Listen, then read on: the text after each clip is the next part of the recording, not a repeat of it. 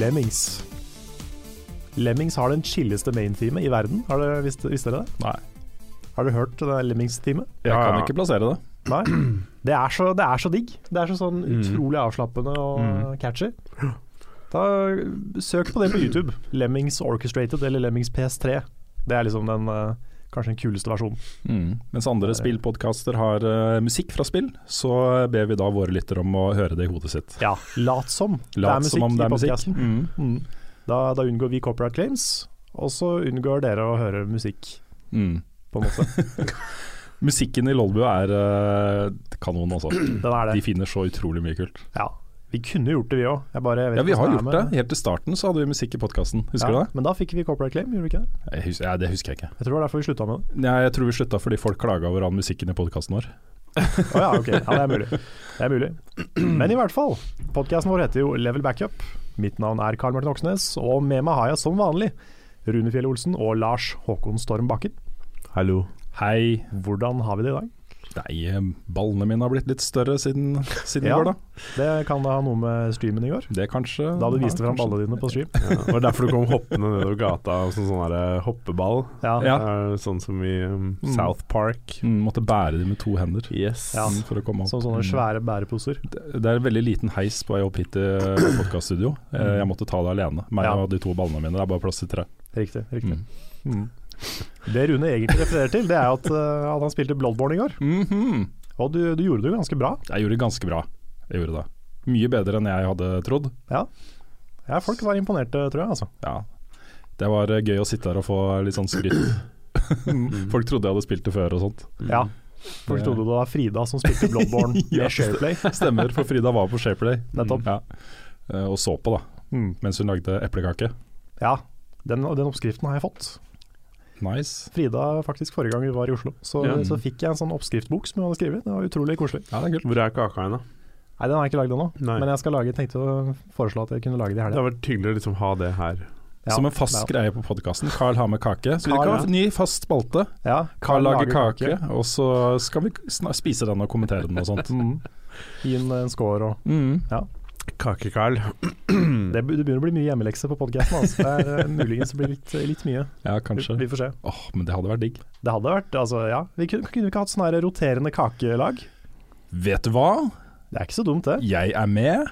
Ja, I verste fall så kan man jo gå og kjøpe noe wienerbrød eller noe sånt eh, på ja kanskje det er lov. Det må være lov. Det er, Ja. ikke alltid, det er ikke alltid jeg har tid til å både få ungen i barnehagen og komme meg hit og sånt før. Hmm. Da Ja, gleder jeg meg til jeg skal lage sunne kakeversjoner til dere. Så kommer vi hit og så er det bare sånn «Ah, Du kommer med sånn der Som proteinbar. Ja, ja. Sånn der, sånn Protein frø.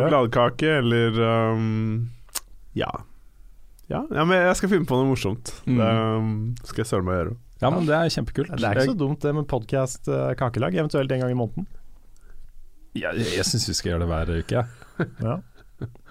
ja, hvis vi får det til. Jeg kan bestille en kransekake med sånne der bonger som du kan smelle. Det er ikke svindyrt? Jo, det koster jo Jeg tror jeg- jeg 300 jeg skal- kroner eller noe sånt. Ja, det er bestille jo Ja. Nei, man må lage selv, egentlig. Ja, man burde det egentlig Det det. er bare sånn helt krise hvis man eh, ja. Mm. Kransekake har jeg hørt er veldig lett å lage. Så mm. Ja, det er bare Kjør på sånne med det. ringer. Det er veldig, veldig svære, breie donuts. Mm. På en måte bare Ja, altså når du skal lage de ringene, så må du ha sånne, sånne former. Så du har jo 18 sånne former, fordi ringene er jo forskjellige størrelser, ikke sant? Ja. Ja, Men- vent, vent litt da, folkens. Vi binder oss ikke til dette her, her og nå. Ah, Nei, det gjør vi ikke. Det gjør ikke. Men nei, vi uh, kan ta og diskutere litt på bakrommet etterpå. er, det sånn, er det sånn at en kransekake må være fra breiest til tynnest? Eller kan du være litt morsom og gjøre en litt sånn herre woo? Det, det, det vet jeg ikke. Kanskje. Du kan sikkert gjøre hva du vil. Jeg lager et former på den, liksom? Ja. Det, jeg ser for meg at det kunne vært litt kult. Grunnen til at jeg fikk litt kalde føtter nå, er at jeg, jeg har egentlig bare lagd én kake Ah, I ja. I, liv? i mitt liv. Og det er den sjokoladekaka? Det er den sjokoladekaka. Den har jeg lagd veldig mange ganger, da. Men jeg har aldri Mm. prøvd meg på bløtkake eller ostekake eller noen ting, liksom. Nei. Det hadde vært kult å blitt litt god til det også. Ja, jeg har blitt litt god på sånn Toro-muffins. Det, er- det er godt. Ja. jeg lager en kickass ostekake. Det er noe her, altså. Så, Det er noe her. um, Det er noe her. Ja. Og den eh, ble laget for ikke så lenge siden med um, uh, Istedenfor at det er sånn vanlig kjeksbunn, så er det sånn pepperkakedeigbunn.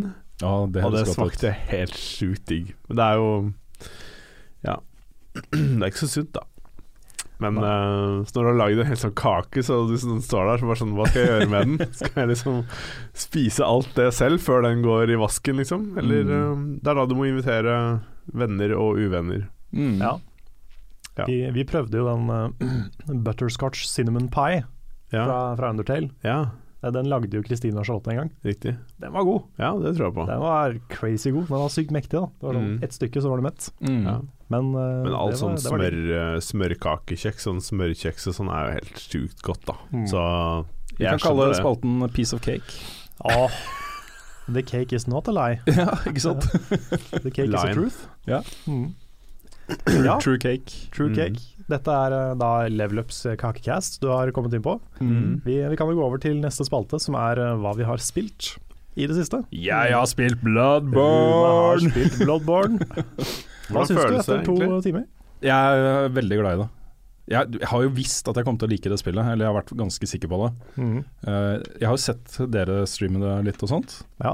Um, jeg har snakka om det mange ganger før. Jeg er så glad i eh, verden og karakterdesignet i det spillet. Mm.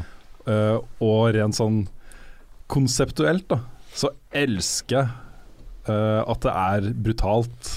At det er kjempevanskelig. At det er liksom Du blir satt på en ordentlig utfordring. da mm. Det er noe utrolig sånn badass over det. Noe sånn rock'n'roll, litt sånn metal. Det er litt metal, rett og slett. Det er det. Du kan jo du, Hvem som helst av de bossene kunne du putta på hva som helst i heavy metal. Ja, ikke sant? Det er liksom Det, det passer, passer fint inn. Mm. Nei, så det er på en måte, i den grad eh, de spillene man liker er en del av ens identitet, så føler jeg jo at, eh, at eh, Rune Fjell Olsen trenger Bloodborne på samvittigheten. Ja. Det er på en måte det, det siste brikken som gjenstår. Ja. Så um, Mm. jeg kommer Vet du hva, du skal se at jeg kommer til å bli sånn som deg, Carl. Spiller. Bloodborne, og så blir det helt tilbake til Dark Souls 1, 2 og 3, og så Demon Souls, Mm. og så Nio. Ja, det er ikke umulig at det skjer. Jeg fikk en sånn eh, Jeg fikk det ikke etter Dark Souls 2, det var det første jeg spilte. Mm. Da var det sånn ok, nå er jeg ferdig med Dark Souls 2. Litt utmatta, men det var kult. Ja. Så kom Bloodborne et år etterpå. Mm. Spilte jeg det, så tenkte jeg åh, nå er jeg sliten. Men det var kult. og så gikk det liksom et par uker, og så shit, jeg vil ha mer Souls. Mm. Og da begynte jeg på de gamle. Ja, nettopp. Mm. Så det tok liksom et par spill, men så fikk jeg den i meg, da. Og da Mm. forsvant den ikke. Nei. Mm. Så nå må jeg jevnlig spille et sånt spill, bare fordi det er digg. Mm. Jeg gleder meg veldig til fortsettelsen. Jeg kom jo ikke sånn voldsomt langt på streamen. Nei, du, du fikk jo se første boss. Ja, det var Cleric, også eh, Cleric Beast. nettopp.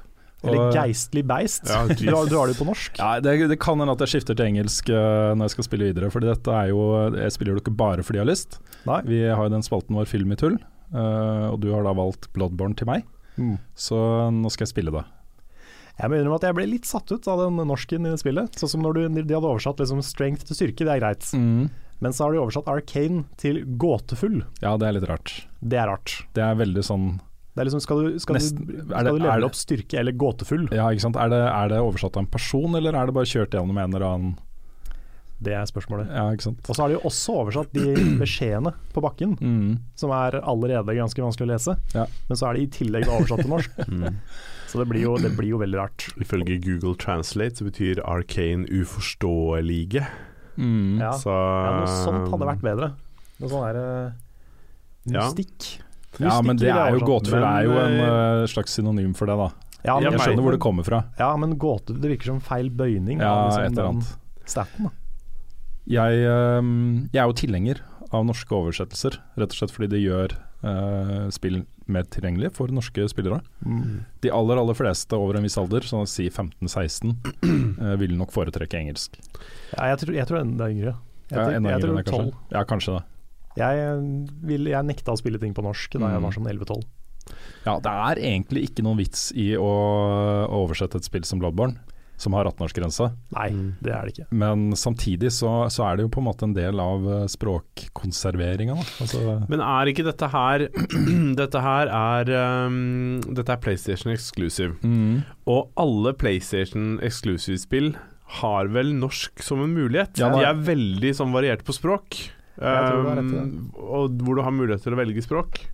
Jeg tror det er fordi at det er Sony som på en måte det, det står bak. Det virker som en slags policy-ting, ja. Um, det er jo Tore Sand tidligere eh, spillanmelder i Aftenposten, som gjør eh, mesteparten av de store spillene. Mm. Jeg tror både for Ubisoft og Sony. Ok. Jeg vet ikke, jeg tror ikke det er han som har gjort dette her, Mm. for han pleier å ha en mye bedre oversettelse. Ja. Han har gjort mye for EA også, han var kjempegod på Sims f.eks. ja, for det var han som eh, oversatte uh, Woohoo til Ornings, var det ikke det? Ja, stemmer. Ja, for, det- for det er jo kreativt, syns jeg. Ja, det er kjempe, det kjempeålreit. Mm. Og han har også sittet og pusla med Harry Potter-spillene og gjort masse ting liksom opp igjennom. Ja. Så han er veldig flink, da. Uh, og uh, fortjener props for å gjøre en, en solid innsats på å faktisk eh, gjøre det bra på norsk. Mm. Ikke bare kjøre det gjennom en eller annen språkkvern og få ut norske ord. Nei, nettopp. Mm. Så, Jeg må bare si en ting, fordi at nå sjekka det flere steder her, og her er det en engelsk-norsk ordbok som sier eh, gåtefull, hemmelig, hemmelighetsfull, kuselig Hva nå enn det Lønnlig, mysterium, mystisk. Mm, tenk om det hadde stått er- kuselig der. Kuselig. Ja, men altså, det skulle, jo skulle jeg oversatt Bloodborne, så hadde jeg valgt mystikk, ikke gåtefull. Mm. tydelig ja, ja, det skal jeg være enig med deg i, men det står mystisk, da. Mm. Uh, men, eller mysterium. Men det er jo tydelig at det er uh, Før vi blir tatt på at liksom Ja, men det betyr det. Og så gjør det at det Ja, det, det betyr Veldig nok rart, det. Det er, men, det er nok eh, riktig. Det er bare det at eh, det, det, du kan ikke sette liksom styrke, ferdighet, gåtefull. Mm. Det er liksom helt feil måte å bruke ordet på, føler jeg. Ja, så tror jeg også at når man skal oversette uh, engelske spilluttrykk til norsk, så uh, bør man nok holde seg unna etablerte begreper innenfor sjangere. Arcane brukes jo i rollespill og tabletop og alt mulig rart, liksom. Mm. Uh, er et godt etablert eh, begrep. Eh, hvis man da velger noe annet på norsk, Mm. fordi man på død og liv skal oversette det, så Ingen skjønner hva det er. Ikke sant? Man forstår ikke instinktivt hva det er, da. Nei. Så Nei. spillforståelsen må gå foran. Mm. Mm. Det, det mener jeg, altså. Ja. For meg så blir det sånn, nå har du oppgradert din gåtefull. Ja, ikke sant. Det, det, det funker ikke. Men, um, Gåtefull uh, bygg. men det, er nok, eh, det er nok lettere å liksom For vi må jo gå litt inn på law i Filmetull. Føler at en, liksom en, en Bloodborne-serie uten å snakke om law, det er en Mhm. ufullstendig serie. Ja. Um, og det blir nok lettere å gjøre det hvis du har det på engelsk. Ja da, jeg skal, eh, jeg skal sette over. Jeg også, det er hovedgrunnen til at jeg har min konsoll på norsk. Det er at jeg syns det er litt kult når jeg tar rekorder video til anmeldelser og sånt. Uh, og det står norsk tekst der. Det er liksom ingen tvil om at det er jeg som har tatt opp. Mm. Eventuelt at jeg har betalt noen andre nordmenn til å gjøre det. Ja. Mm. Um, men at det er liksom Det er mitt opptak, da. Ja. Men jeg, jeg hadde den på norsk eh, først sjøl, men i starten så var ikke alle oversettelsene like bra. Og når det sto liksom 'fest' på gruppechat, da ble jeg Ja, sånn her det sendte jeg en twittermelding til, eh, til PlayStation om. Gjorde det? Ja, ja. Det var, det var da PlayStation 4 kom. Ja, ja, ja det var helt fantastisk. Ja. Da var det det. Ok, jeg Nei, det er ræva. Det er skikkelig ræva. Hei, Mm. bli med på min fest. Men jeg husker ikke om PlayStation 4 gjorde det, eller om det bare var Xbox One og Xbox 360. Men da jeg hadde den på norsk, så var det en sånn bl rar blanding av norsk og Ja, engelsk. Overalt. det var uh, Xbox 360 kom med en sånn derre local update-greie, hvor det plutselig ikke gikk an å endre språk på enkelte ting. Og så ble du sittende der med en blanding av norsk og engelsk, Mm. og setninger hadde liksom et engelsk ord i seg plutselig, og det var Mm. sånn Og jeg får ikke lov å endre det vekk heller. Og da, da, da var det mye frustrasjon ute og gikk. Mm. Um, og jeg liker jo å ha det på engelsk, da. Ja, jeg foretrekker Ja, det på engelsk, jeg også. Det er ikke meningen å høres veldig negativ ut til oversettelser. Det er, det er veldig, veldig nyttig å ha det. Jeg er veldig tilhenger av at det skal være der. Men eh, kunne nok kanskje klart meg uten den der automatiske 'nå er alt på norsk'. Ja. Ja, eh, hvis ting skal oversettes altså det, Oversettelse er et fag. Mm. Uh, og du har gode oversettere og dårlige oversettere. Nå, nå snakker jeg om bøker, da, film, teksting. Uh, kanskje først og fremst bøker. Mm. Ofte hvis man skal oversette f.eks. fra japansk, så må man gjøre ganske solide egne vurderinger og fortolkninger. Mm. Eh, og hvis du ser det arbeidet som er gjort med Harry Potter på norsk, alle de ordene som er oversatt til norsk, ja, ja. Eh, Hogwarts som blir galtvort og det er, Jeg syns det er bra, da. Det er en skikkelig solid stykke arbeid Mm. som, er, som ligger bak. Um, det må ikke bare oversettes med en ordbok, liksom. Det, det går ikke.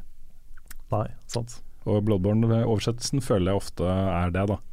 Det er en del rare setninger. Mm. Men jeg tror også grunnen til at jeg reagerer ekstra på det i Bloodborne, er at det språket i det spillet er litt særegent. Mm. eh, og det matcher den stemningen som er der. Ja.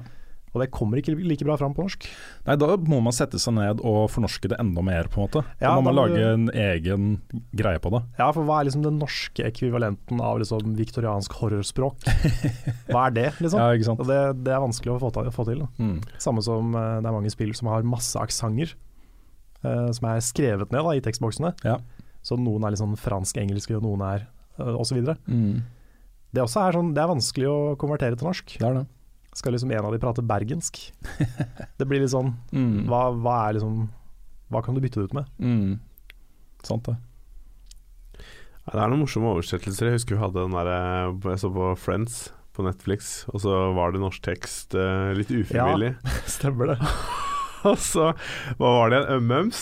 Ømmøms, ja. Uh, og- hva er det? Kan du liksom Men du jeg de hadde et eller annet i ømmelsen sin, var det ikke det? Jo, det var stivelse. Ja, har du stivelse i ømmelsen din? Ja. Um, jeg, um jeg la det ut på Twitter, og hvis du googler MMs, så finner du jo faktisk min Twitter-melding øverst. I hvert fall gjør jeg det. Ja. og, bare, og den Netflix svarte jo på den.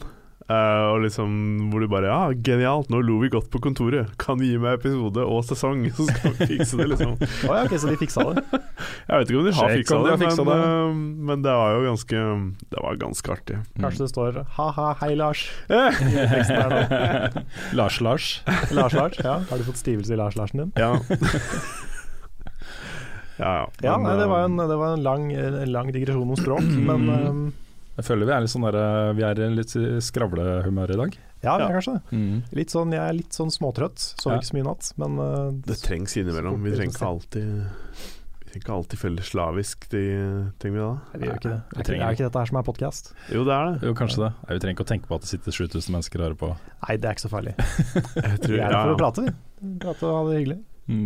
Hvis de gidder å høre på så langt, så, er de, så syns de det er greit. Jeg lover at det kommer flere interessante temaer etter hvert her også. Det er ikke, vi skal ikke bare snakke om eh, tull og tøys og fjanteri Ja, og, og språk. og språk. Mm. Språk Um, vi har jo spilt flere ting, det kommer masse spennende ting vi skal snakke om. Mm. Så Men jeg, har jo, jeg guida deg litt gjennom Bloodborne i går, ja. uh, på systemer og våpen og sånne ting. Mm. Uh, og du møtte jo et par NPC-er, Jeg gjorde det. uh, blant annet hun helt i starten, hun Josefka, Mm. eh, som fortalte deg at du eh, Hun kunne ikke gjøre så mye for deg, men hun ga deg en sånn blood vial-ting. Og så møtte du han fyren som eh, sto ved siden av lampa, eh, Mm. og du spurte om eh, pale blood, eller eh, blekblod, som han eh, kalte det. Ja. Um, det er flere NPC-er du ikke har møtt ennå, i startområdet i Jernum. Okay. Eller ikke startom, men i det stedet du er i. Mm. Uh, det er en ganske svær del av byen du ikke har vært i ennå. Riktig. Så, Så før man kommer til den bossen, liksom? Ja, potensielt. Ja. Så enten etter du har tatt den bossen, eller eh, hvis du vil utforske litt utenom, så er det, det er fortsatt mye å se der. Altså. Ja, altså Prosjekt nummer én for meg nå, det er jo å samle opp øh, helse Mm. øh, før jeg møter den bossen. Ja, ja. Ja, ikke sant. Eh, så så jeg, uansett så skal jeg fly rundt og utforske nå, før jeg går til den bossen igjen. Mm. Ja, altså Når du går og farmer sånn, så får du jo også mye blood decos, så Mm. da kan du levele opp underveis også. Mm. Ja, det kan gjøre. Og kjøpe flere vials også. Yes. Nettopp. Så det kommer liksom på en måte av seg sjøl. Den ene Ja. fører til det andre. nettopp. Mm. Men det er, mange, det er mange kule figurer rundt omkring. Mm. Som er, noen av de er litt vanskelig å finne, Ja. men uh, de er verdt å prate med. Altså. Greit. Du får en del fra, for å prate med de òg. Nei, jeg skal, øh, jeg skal ta deg på ordet der. Ja, Bare ta, ta deg god tid i Jarnum, liksom. Ja. Det er mye Mm. kult å finne der. Fett. Ja. Men jeg har nå spilt uh, noe annet også. Ja, Uh, noe ganske stort, som vi egentlig kanskje burde ha starta med, men det var så gøy å snakke om Bloodborne. ja. men Horizon Zero Dawn Yeah. Yes. det lanseres jo 1. mars. Eh, embargo for anmeldelse var eh, mandag denne uka. Det er et gedigent spill, så jeg har ikke rukket å komme langt nok til å anmelde ennå. Men eh, eh, jeg kunne potensielt ha satt meg ned nå og laget en anmeldelse av det. Jeg føler at jeg har sett ganske mye av spillet, Ja. men jeg har ikke kommet til slutten. Og det kommer til å ta litt tid, tror jeg, før jeg kommer til slutten. For jeg klarer ikke å la være å gjøre side missions og sånt. Nei, Um, ikke sant? det første jeg vil si om spillet er at uh, jeg er veldig overraska over at det overrasker meg. Jeg har, jeg har med vilje nå de siste månedene holdt meg litt unna eh, materiell fra spillet. Trailer og, og gameplay-videoer og Let's Plays og sånne ting. Mm. Men allikevel så føler jeg eh, at eh, det er mer enn det jeg trodde det var på forhånd. Jeg føler at det er deler av storyen, at det er deler av oppbygginga, deler av gameplay, deler av alt egentlig, som, som er holdt tilbake, og som jeg ikke har sett. Uh, og det ble jeg kjempeglad for. Uh, det å sette meg ned med det spillet og føle at, uh, at jeg ble overraska. Det var en kjempegod følelse. Så de første, jeg vil si de første ti timene av det spillet er Nå driver Lars og tar selfier mens du prater. Det, Ja, det, det, skulle ikke liksom bry dere om det. Fortsett. nei, ok, ja, nei. Eh, De første ti timene av det spillet er innmari gode. Kjempegode. Masse bra storyutvikling, massevis av kule nye ting du oppdager. Og en helt vanvittig vakker verden. Det ser så pent ut. Og det er ikke så ofte jeg bare går rundt og ser på ting og tenker holy shit, liksom. Uh, er det så bra det ser ut? Er det så bra spill ser ut i dag? Mm. Uh, det var en tanke som slo meg ganske tidlig i det spillet. Det var at også hvis ikke uh, sandbox, Open World Sandbox-spill ser like bra ut som dette, så kommer jeg til å bli skuffa Mm. av ting som kommer seinere, liksom. Mm. Det må se så bra ut. Altså, mm, ja. Jeg har jo spilt det litt sjæl. Jeg sitter i en eksamen, så jeg har ikke mulighet til å gjøre så veldig mye. Og foreløpig så har jeg ikke lagt meg inn på story mission. Og um, mye av grunnen til det også er at når man, når man kommer inn der, så blir du litt lamslått av den verden. Det ser så sjukt bra ut. Og jeg blir sånn Jeg vil gjøre den side mission, den side mission, den Altså, jeg blir veldig opphengt i de, Mm. uh, og har bestemt meg for at jeg skal gjøre storyen nå uh, litt i helga, hvor jeg har mulighet til å sette meg ned bitte litt. Ja. For nå er, jeg, nå er jeg ferdig med hjemmeeksamen, som skal leveres i mandag, så da har jeg tid litt i helga til å spille litt. Mm. Um, hvis det blir veldig oppstykka og delt, så følte jeg at det blir litt feil. Men uh, det er Jeg vet ikke hva jeg skal si. Ja, prosit. Går det bra, eller? Det, nå var det veldig Det er, jeg har hatt de inni meg i sånn Ja. tre, timer nå. Det bare ga seg aldri, så jeg ble litt bekymra her nå. Jeg tror jeg er ferdig nå. Jeg Ja. er ferdig. Nei, men det er, eh, det er som du sier, da. At den verden er um, Er helt fantastisk, og du har bare lyst til å være der. Og det gjør at jeg har um, Jeg har et sånn Jeg har lyst til å være completionist på det. Mm. Du har lyst til å sjekke ut alt, gå og sjekke rundt. Også det å finne sånne collectibles og sånn. Jeg vet ikke om Mm. Har du funnet noe særlig av det? Ja, hva slags collectibles er det du tenker Nei, på? det er jo Du kan jo gå rundt, og så kan du finne sånne audiologs og Ja diverse andre collectibles, da. Som, jeg har funnet en eh, del. Jeg har ikke gått veldig aktivt på jakt etter de. Nei. Du kan jo kjøpe kart hos kjøpmennene. Mm, Uh, så måten jeg spiller dette her på nå, er at jeg gjør alle side missions jeg kommer over. ja. Ehm, også litt fordi det er en del av story missions som jeg var for lavt level til å ta. Ja. Jeg var liksom level 11 eller 12, og så var neste var, jeg skulle ta var level 15. Mm. Uh, så da gjorde jeg side missions. Og jeg, jeg syns jeg syns sideoppdragene er kule, liksom. Jeg, det er et ordentlig beefy spill. Det er masse Mm. content her, masse å gjøre. Og det er veldig lite av det som føles overflødig. Det føles også Ofte så får det en liten parallell historie med, med biroller um, som forteller deg ting, Mm. via dialoger og sånne ting. Ehm, og det bare er med på å bygge ut verden, akkurat sånn som eh, Side Mission skal gjøre et sandbox-spill. Ja, ja. At ikke det bare er ta med den pakken her over hele byen, liksom, Nei, og levere den til den personen, og så får du XP. ja. Så jeg er veldig happy for det, altså. Kjempeglad. Jeg syns det er eh, Det er et av de Mm. Bedre sandbox-spillene jeg har spilt i nyere tid, altså. Ja, det er jo det. Eh, samtidig så har jeg litt sånn Jeg snakka litt med Carl om det før vi eh, starta podkasten, at jeg har eh, Det er noen sånne issues, men jeg føler samtidig at er, de er kanskje litt små. Eh, og det ene er jo, er jo det at eh, det føles ut som ikke alt kanskje er De har lagt inn veldig mye, og så de, er det ikke alt som er polished skikkelig. Det er jo noen sånne side missions du gjør hvor du um, skal ha med noen karakterer, du skal redde noen karakterer, og det er veldig sånn litt, litt generelle ting. Um, og i den ene scenen så var det jo den som hadde gitt deg oppdraget. Når jeg hadde funnet den personen jeg skulle finne, så kutta Eller ble det liksom kamera satt tilbake til meg, og plutselig så var den karakteren som hadde gitt meg oppdraget, var der. Så jeg bare Å ja, har du fulgt etter meg hele tiden? Ja, hun sa Hvor- det. Hvor kom du fra? Hun sa jo det. Jeg vet, men samtidig jeg, er jeg måtte bare- følge etter deg, for jeg var ikke sikker på om du skulle gjøre Men Hun hun, sa jo det. hun kom så brått inn, og jeg bare Ja, liksom hun Ok, kom veldig det her. Men i settingen etter så sa hun jo at hun hadde fulgt etter. eh, Ja, jeg vet, men samtidig så var det litt sånn Det var litt rart, da. Ja. Um, Ansiktsuttrykkene syns jeg kanskje er litt kalde innimellom. Ja, altså det er den ene Guerrilla er jo tekniske uh, mirakelmenn. mm. De er blant de beste i verden Og til å sikkert kvinner. Og ja, Ja. Uh, selvfølgelig. Mm. Uh, særlig når vi snakker om dette spillet. Mm. Men, eh, men det er Uncanny Valley de luxe på noen av de karakterene. Ja, Ah, så teit. det er det, altså. Det er, så eh, en, av, en av disse uh, matriarkene ja. for, uh, for den stammen som, uh, som Aloy eh, hører til. Da. ja. Det er litt morsomt å følge med på henne snakke, fordi øyebrynene hennes går sånn drrr, opp og ned.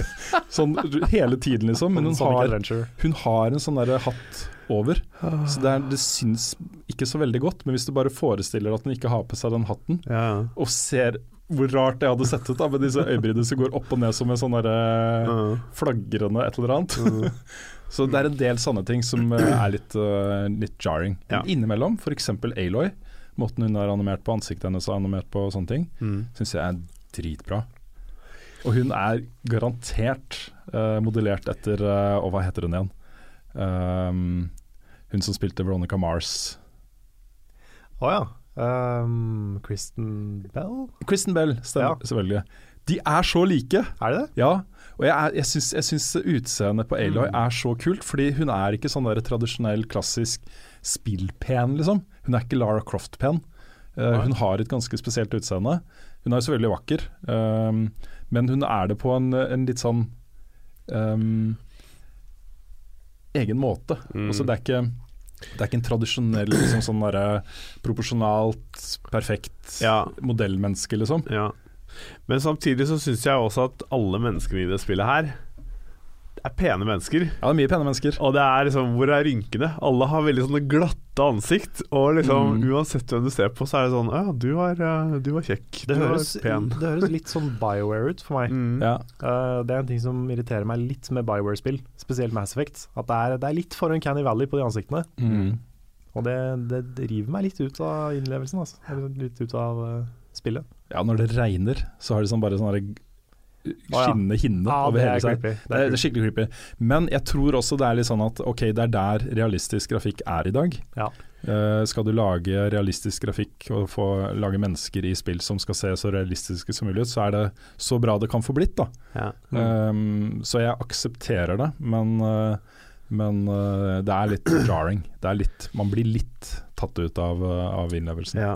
Mm. Ja, de har gjort noen ting veldig, veldig veldig bra, og det er jo hele den verden og animasjonen og fighting og slåssing og sånn, syns jeg er helt amazing. Ja, Gameplay her er dødsbra. Men så er det jo sånne smådetaljer som når hun skal ta frem spydet sitt, f.eks., så er det sånn Hvor hadde du det igjen? Hvor kom det fra? For når hun tar fram det, så er det bare sånn Det kommer liksom ut av hånda hennes, og så er det bare plutselig der. Og når hun tar det sammen igjen, så er det Hun har det ikke på seg.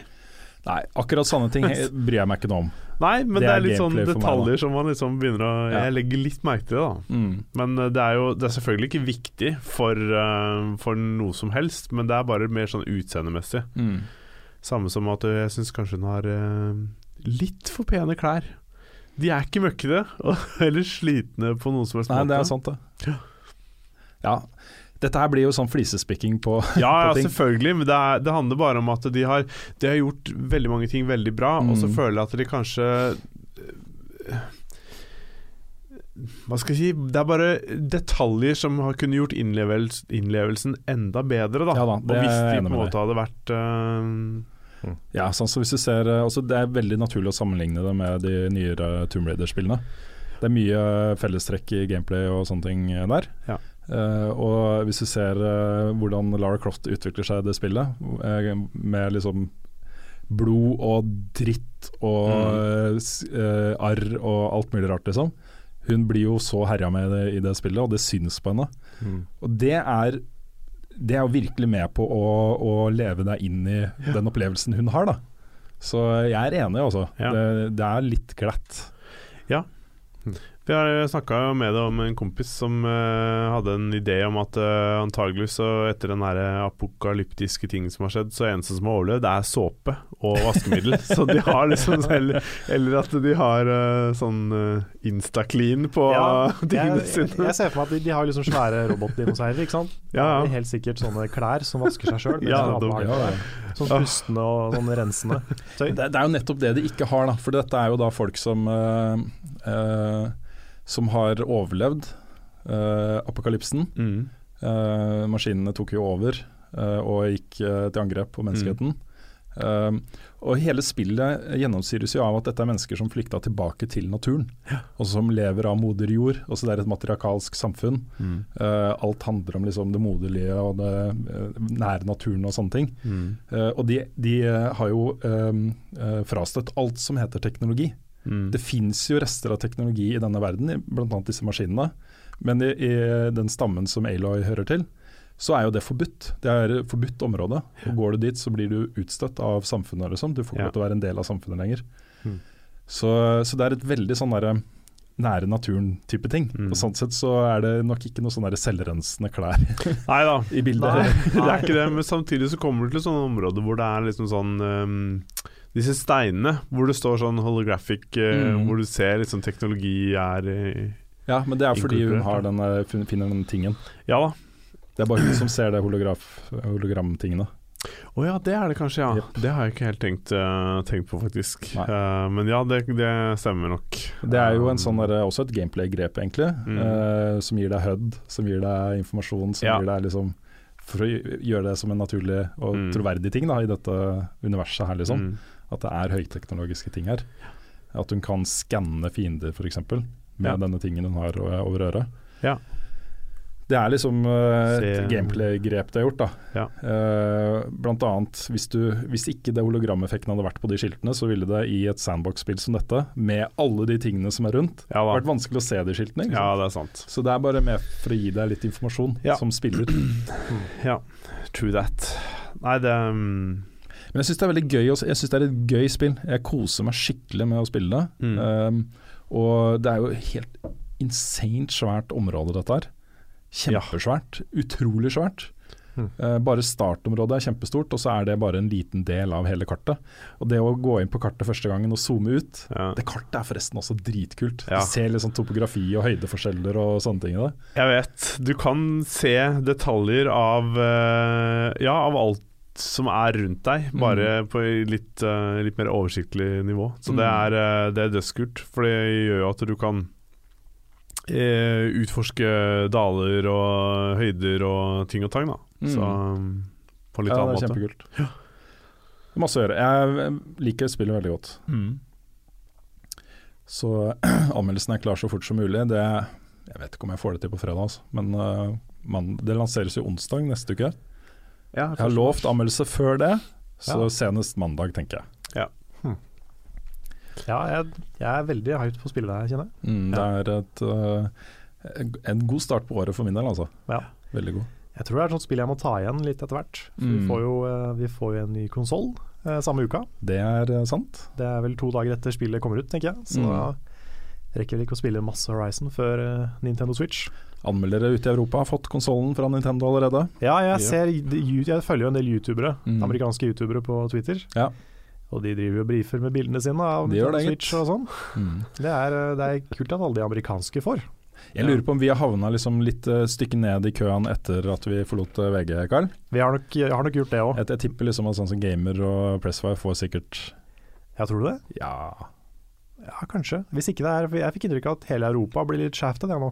Men, eh, men det er mulig, det. Det er mulig det stemmer. Ja, kanskje. Jeg vet ikke.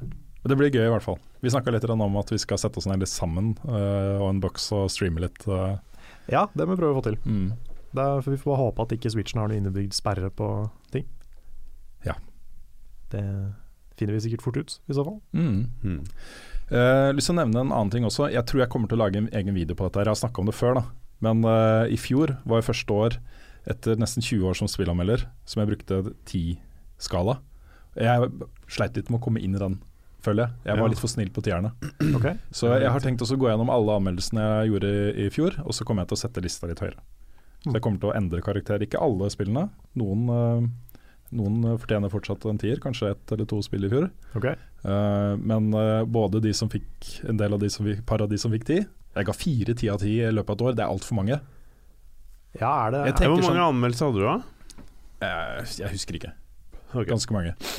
Men uh, uansett, da, så føler jeg at ti av ti Det er sånn potensielt topp 20 all time Ja. spill, liksom. mm. Det er litt vanskelig å vite det da i det når man står der liksom akkurat spillferdig spill spillet og skal lage en anmeldelse, om det er, er så bra. Ofte så vil jo det ta litt tid før det synker inn, Mm. Ja. men, eh, men jeg må legge lista høyere.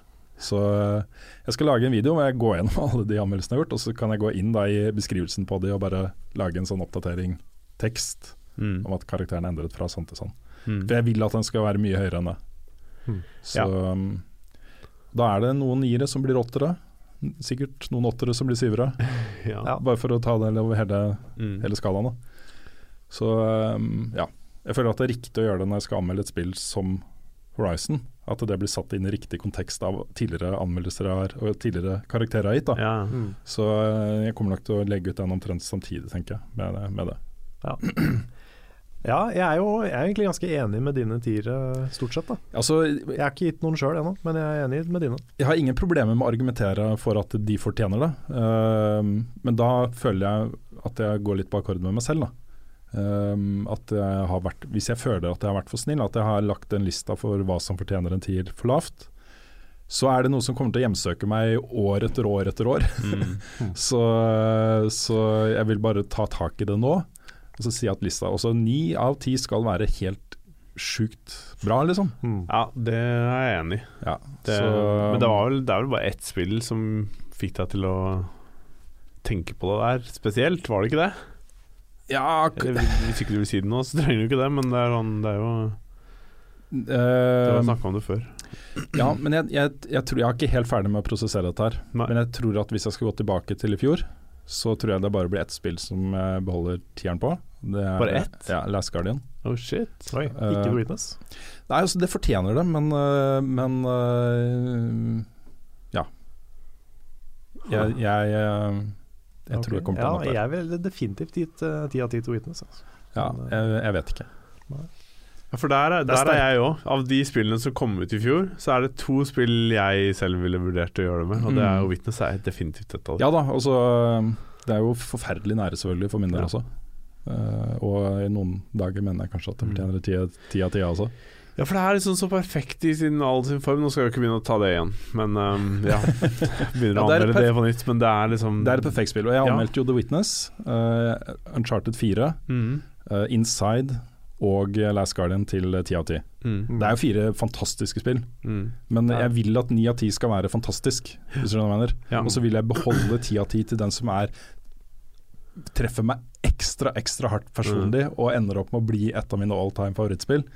Det er liksom det jeg vil beholde tieren til, hvis du skjønner hva jeg mener. Ja, det Så, skjønner Det er sånn, det er jo du, Uten at jeg har anmeldt så mange, så er det du som har sagt dette her, og det har ligget i bakhuet mitt hver gang jeg har anmeldt noe. Det er derfor Mm. jeg hadde den der diskusjonen med Nick også, om ti av ti til uh, Overwatch. Ja. Uh, jeg bare Jeg vil holde meg på ni av ni, når det kommer Eller ni av ti, unnskyld. Når det kommer et fantastisk spill Fem av syv. ja. så, så kan jeg gi det en, eh, en tier, eh, Mm. hvis det føles riktig. Og for min del så kan det godt gå flere år mellom hver gang jeg gir en tier. mm. Det er liksom, Jeg vil at den skal være så sjelden. Jeg vil at den skal være Ja. Ja, nei, men det er, det er et godt poeng, det, altså. Mm, Det var, eh, jeg var ganske close på Nio Ja. og gi den en tier, mm, men det var, eh, det var bare så, så vidt at ikke det gikk. Ja. Men det er, eh, det er høyt oppe, altså. mm. Det er ikke langt under Bloodborne for meg, men det er eh, Ja, nei, det gjenstår å se hvor, hvordan, hvor lenge det varer Mm. for meg. Men jeg står på den nieren foreløpig. Kan jeg få si én ting til om, om Horizon, før jeg går videre til Ja. den siste spillet jeg har spilt? Det kan gjøre. Um, jeg ser at det er, sånn, det er allerede ganske mye diskusjoner rundt, rundt tematikken i spillet. Det med at det er et matriarkalsk samfunn, uh, særlig. Og at mange mener det går rett inn i den der feminazi-tingen, liksom. Mm. Um, det er noe som får meg til å tenke at det er litt påtatt uh, fra Guerillas side. At de uh, kanskje gjør det litt sånn demonstrativt. Mm. Men samtidig så føler jeg at alle rollefigurene i dette spillet bortsett fra eh, matriarkene, de som er liksom øverste leder for dette samfunnet, behandles ganske likt. Også Aloy som kvinnelig kriger blir behandla som eh, likeverdig av andre mannlige krigere møter, eh, og vice versa. Også det er en veldig sånn eh, Personene i dette universet er likestilte. Mm. Og det syns jeg, jeg er digg. Det syns jeg er veldig ålreit. Ja, men dette er vel jo satt i framtid. Overskuelig framtid. Lang, langt inn i Så forhåpentligvis så kommer jo vi dit en vakker dag òg, Mm. hvor vi faktisk er, er såpass likestilt i alt vi gjør. Mm. Så mm. Og den, den greia der har jo Mass Effect og de også. Ja da. mm. Det er liksom nesten en sånn uskreven regel at hvis du skriver sci-fi uh, Det er kanskje Star Trek som starta med den greia der. Kanskje. At uh, verden er av natur litt mer har kommet lenger da, Mm. i fremtiden. Ja. Ja. Og det er jo eh, Får håpe det stemmer. Mm. Ja. Og så gjør du jo en del eh, interessante grep der også i, uh, i det eh, narrativet der. Fordi dette samfunnet er jo på ingen måte et perfekt samfunn. Og det er mange av de lovene og reglene som eksisterer i dette samme samfunnet som er helt høl i huet. Folk blir utstøtt for den minste lille ting. Mm. Ikke sant? Uh, så det er ikke noe sånn en hyllest av kvinner som den perfekte ledere. Det er ikke det det er, da. Eh, dette er tilfeldigvis et materialsk samfunn, og jeg tror det er fordi uh, du har den koblingen til moder jord. At det er liksom der det ligger. Mm. Ja. Greit. Det siste jeg har spilt, er jo at jeg har kommet meg til fuckings level 40, makslevel i Destiny, uten å dø en eneste gang. Ja, det er eh, noe av det tøffeste jeg har vært med på. Altså. Ja, det er verdt å være stolt av det. Altså. utrolig mange sånne øyeblikk som er vanvittig intense på den veien. For jeg har ikke bare sittet og gjort uh, Mm. public events og patrols og sånt. Jeg har tatt story missions hele veien. da. Um, nei, det var en eh, utrolig kul opplevelse, altså. Ja. Så yay me. Tviler ikke. Gleder meg til du kjører et sånt uh, run i Bloodborne. Ja, si Det vet jeg ikke om jeg gidder. Det vet jeg ikke om jeg du vet aldri, men uh, kan være gøy. Ja, vi får se. Vi får se. Mm. Ja, nå har vi brukt ganske lang tid å snakke om hva vi har uh, spilt. Hvis jeg bare kan få lov til å si én ting, så skal jeg, skal jeg prøve å gjøre det kort. Men jeg har jo jeg anmeldt, eh, eller hadde i Level Up um, denne uka her, så hadde jeg et spill som heter Hidden Folks. Som Det blant, er så kult. ja, som blant annet er til mobil og selvfølgelig PC. Det spillet er så kult. Det er et sånn myldre... Jeg vil kalle det myldrespill jeg, på, på norsk. For det er, minner meg om myldrebøker. Mm, hvor er Willy? Ja, Eller Voldo? ja, Ja. ja, jeg tror det er Willy på norsk. Willy på norsk, kanskje. Um, og det er Det er altså et spill som eh, ikke har farger, men det er håndtegna. Det er hvit bakgrunn. Uh, håndtegna liksom med bare svarte streker, rett og slett. Og du skal liksom finne ting helt ned til liksom en golfball. Mm. Altså det, og det, det er sånn Hvordan skal du klare å finne den golfballen? Det er eh, Ja. Store områder, masse å bla i, masse forskjellige figurer. De er animerte, de veiver med henda. Altså, du kan åpne dører, dra for gardiner, få biler til å lage lyder. Og alle lydene, apropos, er laget med munnen. Jeg- Til Martin Kvale. Til Martin Kvale, ja. Ja, det er så kult, altså. Det er helt fantastisk. Og jeg bare sitter og hører på de lydene og bare Dette er så morsomt. Du er Altså- med han i studio, på en måte. Du, Ja. du føler virkelig at du er der mens han lager de Ja. lydene og bare holy moly. Og hvis uh, de som ser min uh, level-app i starten, så først så får du en lyd, en sånn dut-lyd fra, fra spillet. og så eh, skjedde det noe underveis i opptaket mens jeg spilte inn. Jeg, jeg nøys, og så etterpå så lagde jeg en sånn der Jeg rista på munnen, og kom det en sånn, der, kom en sånn rar lyd. Uh, så du hører at jeg nyser i starten. Først den duten, så nyser jeg, og så hører du at jeg lager den morsomme lyden. og så starter liksom anmeldelsen av spillet. Så fun fact. Mm. Så det kan, uh, kanskje jeg kan få en jobb hos uh, Martin Kvale, som, Kanskje øh, som øh, ja, hvis han hører på den og blir litt stolt og bare Oi, det var en kul lyd, Ja, Lars. du kan være sånn lydpadawan. Ja. Ja, Hvis han hører på nå, så, eh, så kan jeg også nevne at den, eh, det intervjuet vi gjorde med han, kommer fortsatt. Ja, stemmer. Ja. Det vi Ja. gjorde. Mm. Det var litt sånn tidløst. Det, jeg tipper at jeg legger det inn i en level update snart. Ja Kult, kult. Mm. Det spillet er dødskult. Koster 44 kroner til telefon eller mobil, og hva det koster til Steam, veit jeg ikke. Men- 599. Ja, det er vel Det er litt så rart, men ofte så er det litt dyrere. Ja, det pleier å være det. Ja. Men dødskult. Anbefaler å spille det hvis du liker sånne ting. Det er, eh, det er et sånn derre møysommelig spill hvor du skal finne detaljer i ting. Men, og det som er så kult med det òg, er at det, når du skal lete etter detaljene, så ser du alle detaljene i ting som er laget, og hvor fantastisk kreativt det er. Mm. Det er kult, altså. Mm. Så recommended. Ja, jeg skal def definitivt spille det, altså. Ja, det bør du faktisk. Det er Kanskje kanskje perfekt i til mobil. Ja. Mm. Ja, jeg kan prøve å være kjapp, jeg òg. Jeg har, eh, har egentlig fortsatt eh, mye på Nio og spilt en del spill jeg har spilt før. Og så har jeg nå Kristine og jeg kommet til fjerde spill i Ace Attorney. Oi, går er framover. vi- Ja, det gjør det. Nå er vi ferdig med den første trilogien. Mm. Er i gang med Apollo Justice, Nettopp. så det kommer seg. Kult. Uh, Mm. I tillegg så eh, var jeg litt rastløs her om dagen. Og kjente at jeg måtte gå en tur, for jeg hadde sittet inne hele dagen. Og da plukka jeg opp Pokémon Go. Du gjorde det, ja? Ja, for første gang på, Tilbake på kjøret? nesten et halvt år. Ja. Uh, kjøre og kjøre. Det er, ikke, det er fortsatt et ganske middels spill. Mm. Og det er litt rart, fordi eh, jeg er liksom Av prinsipp så skammer jeg meg aldri over å spille spill, uansett hvilket spill det er. Men det føles litt rart å liksom være han som fortsatt spiller Pokémon Go Mm. nå. Mm. Ja. Og gå rundt i byen og bare ja, Det er ikke så kult å vise fram hva jeg driver med. Det er liksom, dette, er, dette er veldig sommeren 2016. ja, det er helt sant. Så um, ja. Det er, det er liksom, jeg er prinsipielt imot å skamme seg over sånne ting. Mm. Men uh, jeg føler litt på det.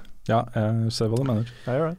Sist Forrige gang vi hadde po postcast, Podcast? podcast, så uh, tok eh, trikk, eller bussen herfra og opp til der hvor jeg hadde parkert. Så um, satt uh, annet ei dame med fullt åpent med mobilen, spilte Pokémon Go på Ja. bussen. Er det ikke bare meg. Så eier er ikke skam, altså. deg, altså. Folk eier ikke skam. Nei. Nei, så jeg tror ikke du skal skamme deg så mye. Nei da, jeg jeg gjør ikke egentlig det. Jeg prøver ikke å gjøre det. Det, er bare, det bare føles litt rarere da, nå enn det gjorde. Det var jo en helt egen greie i fjor sommer, den derre kollektive gleden.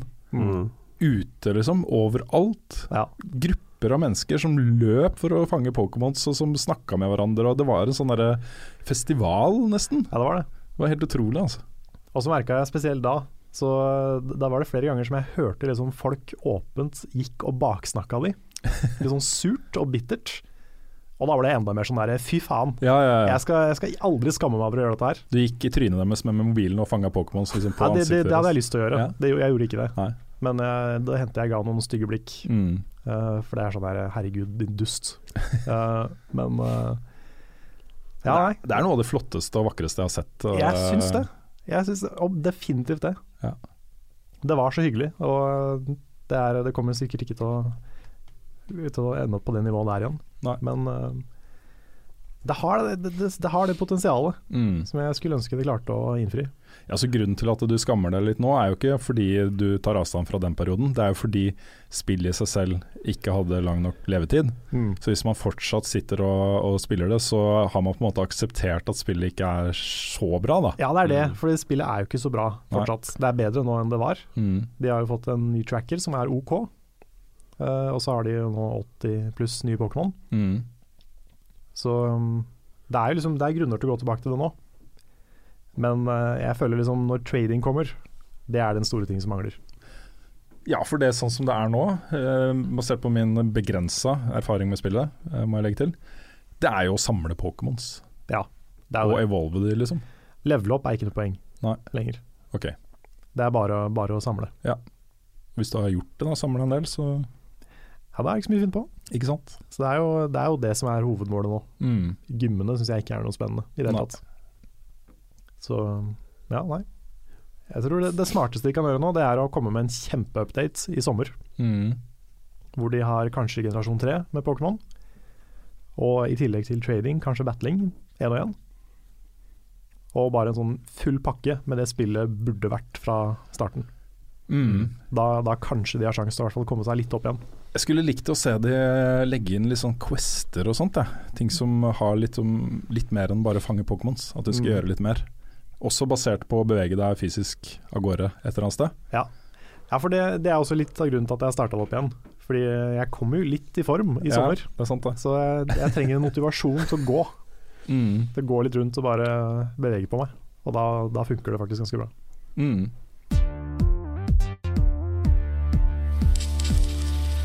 Da er det nyheter. Rune, har du noe spennende på, eh, på lager? Vi kan jo starte med den fortsatt uh, under utvikling-saken om, uh, om det blir flere NES Classic Mini eller ikke. Ja, for Nintendo snudde.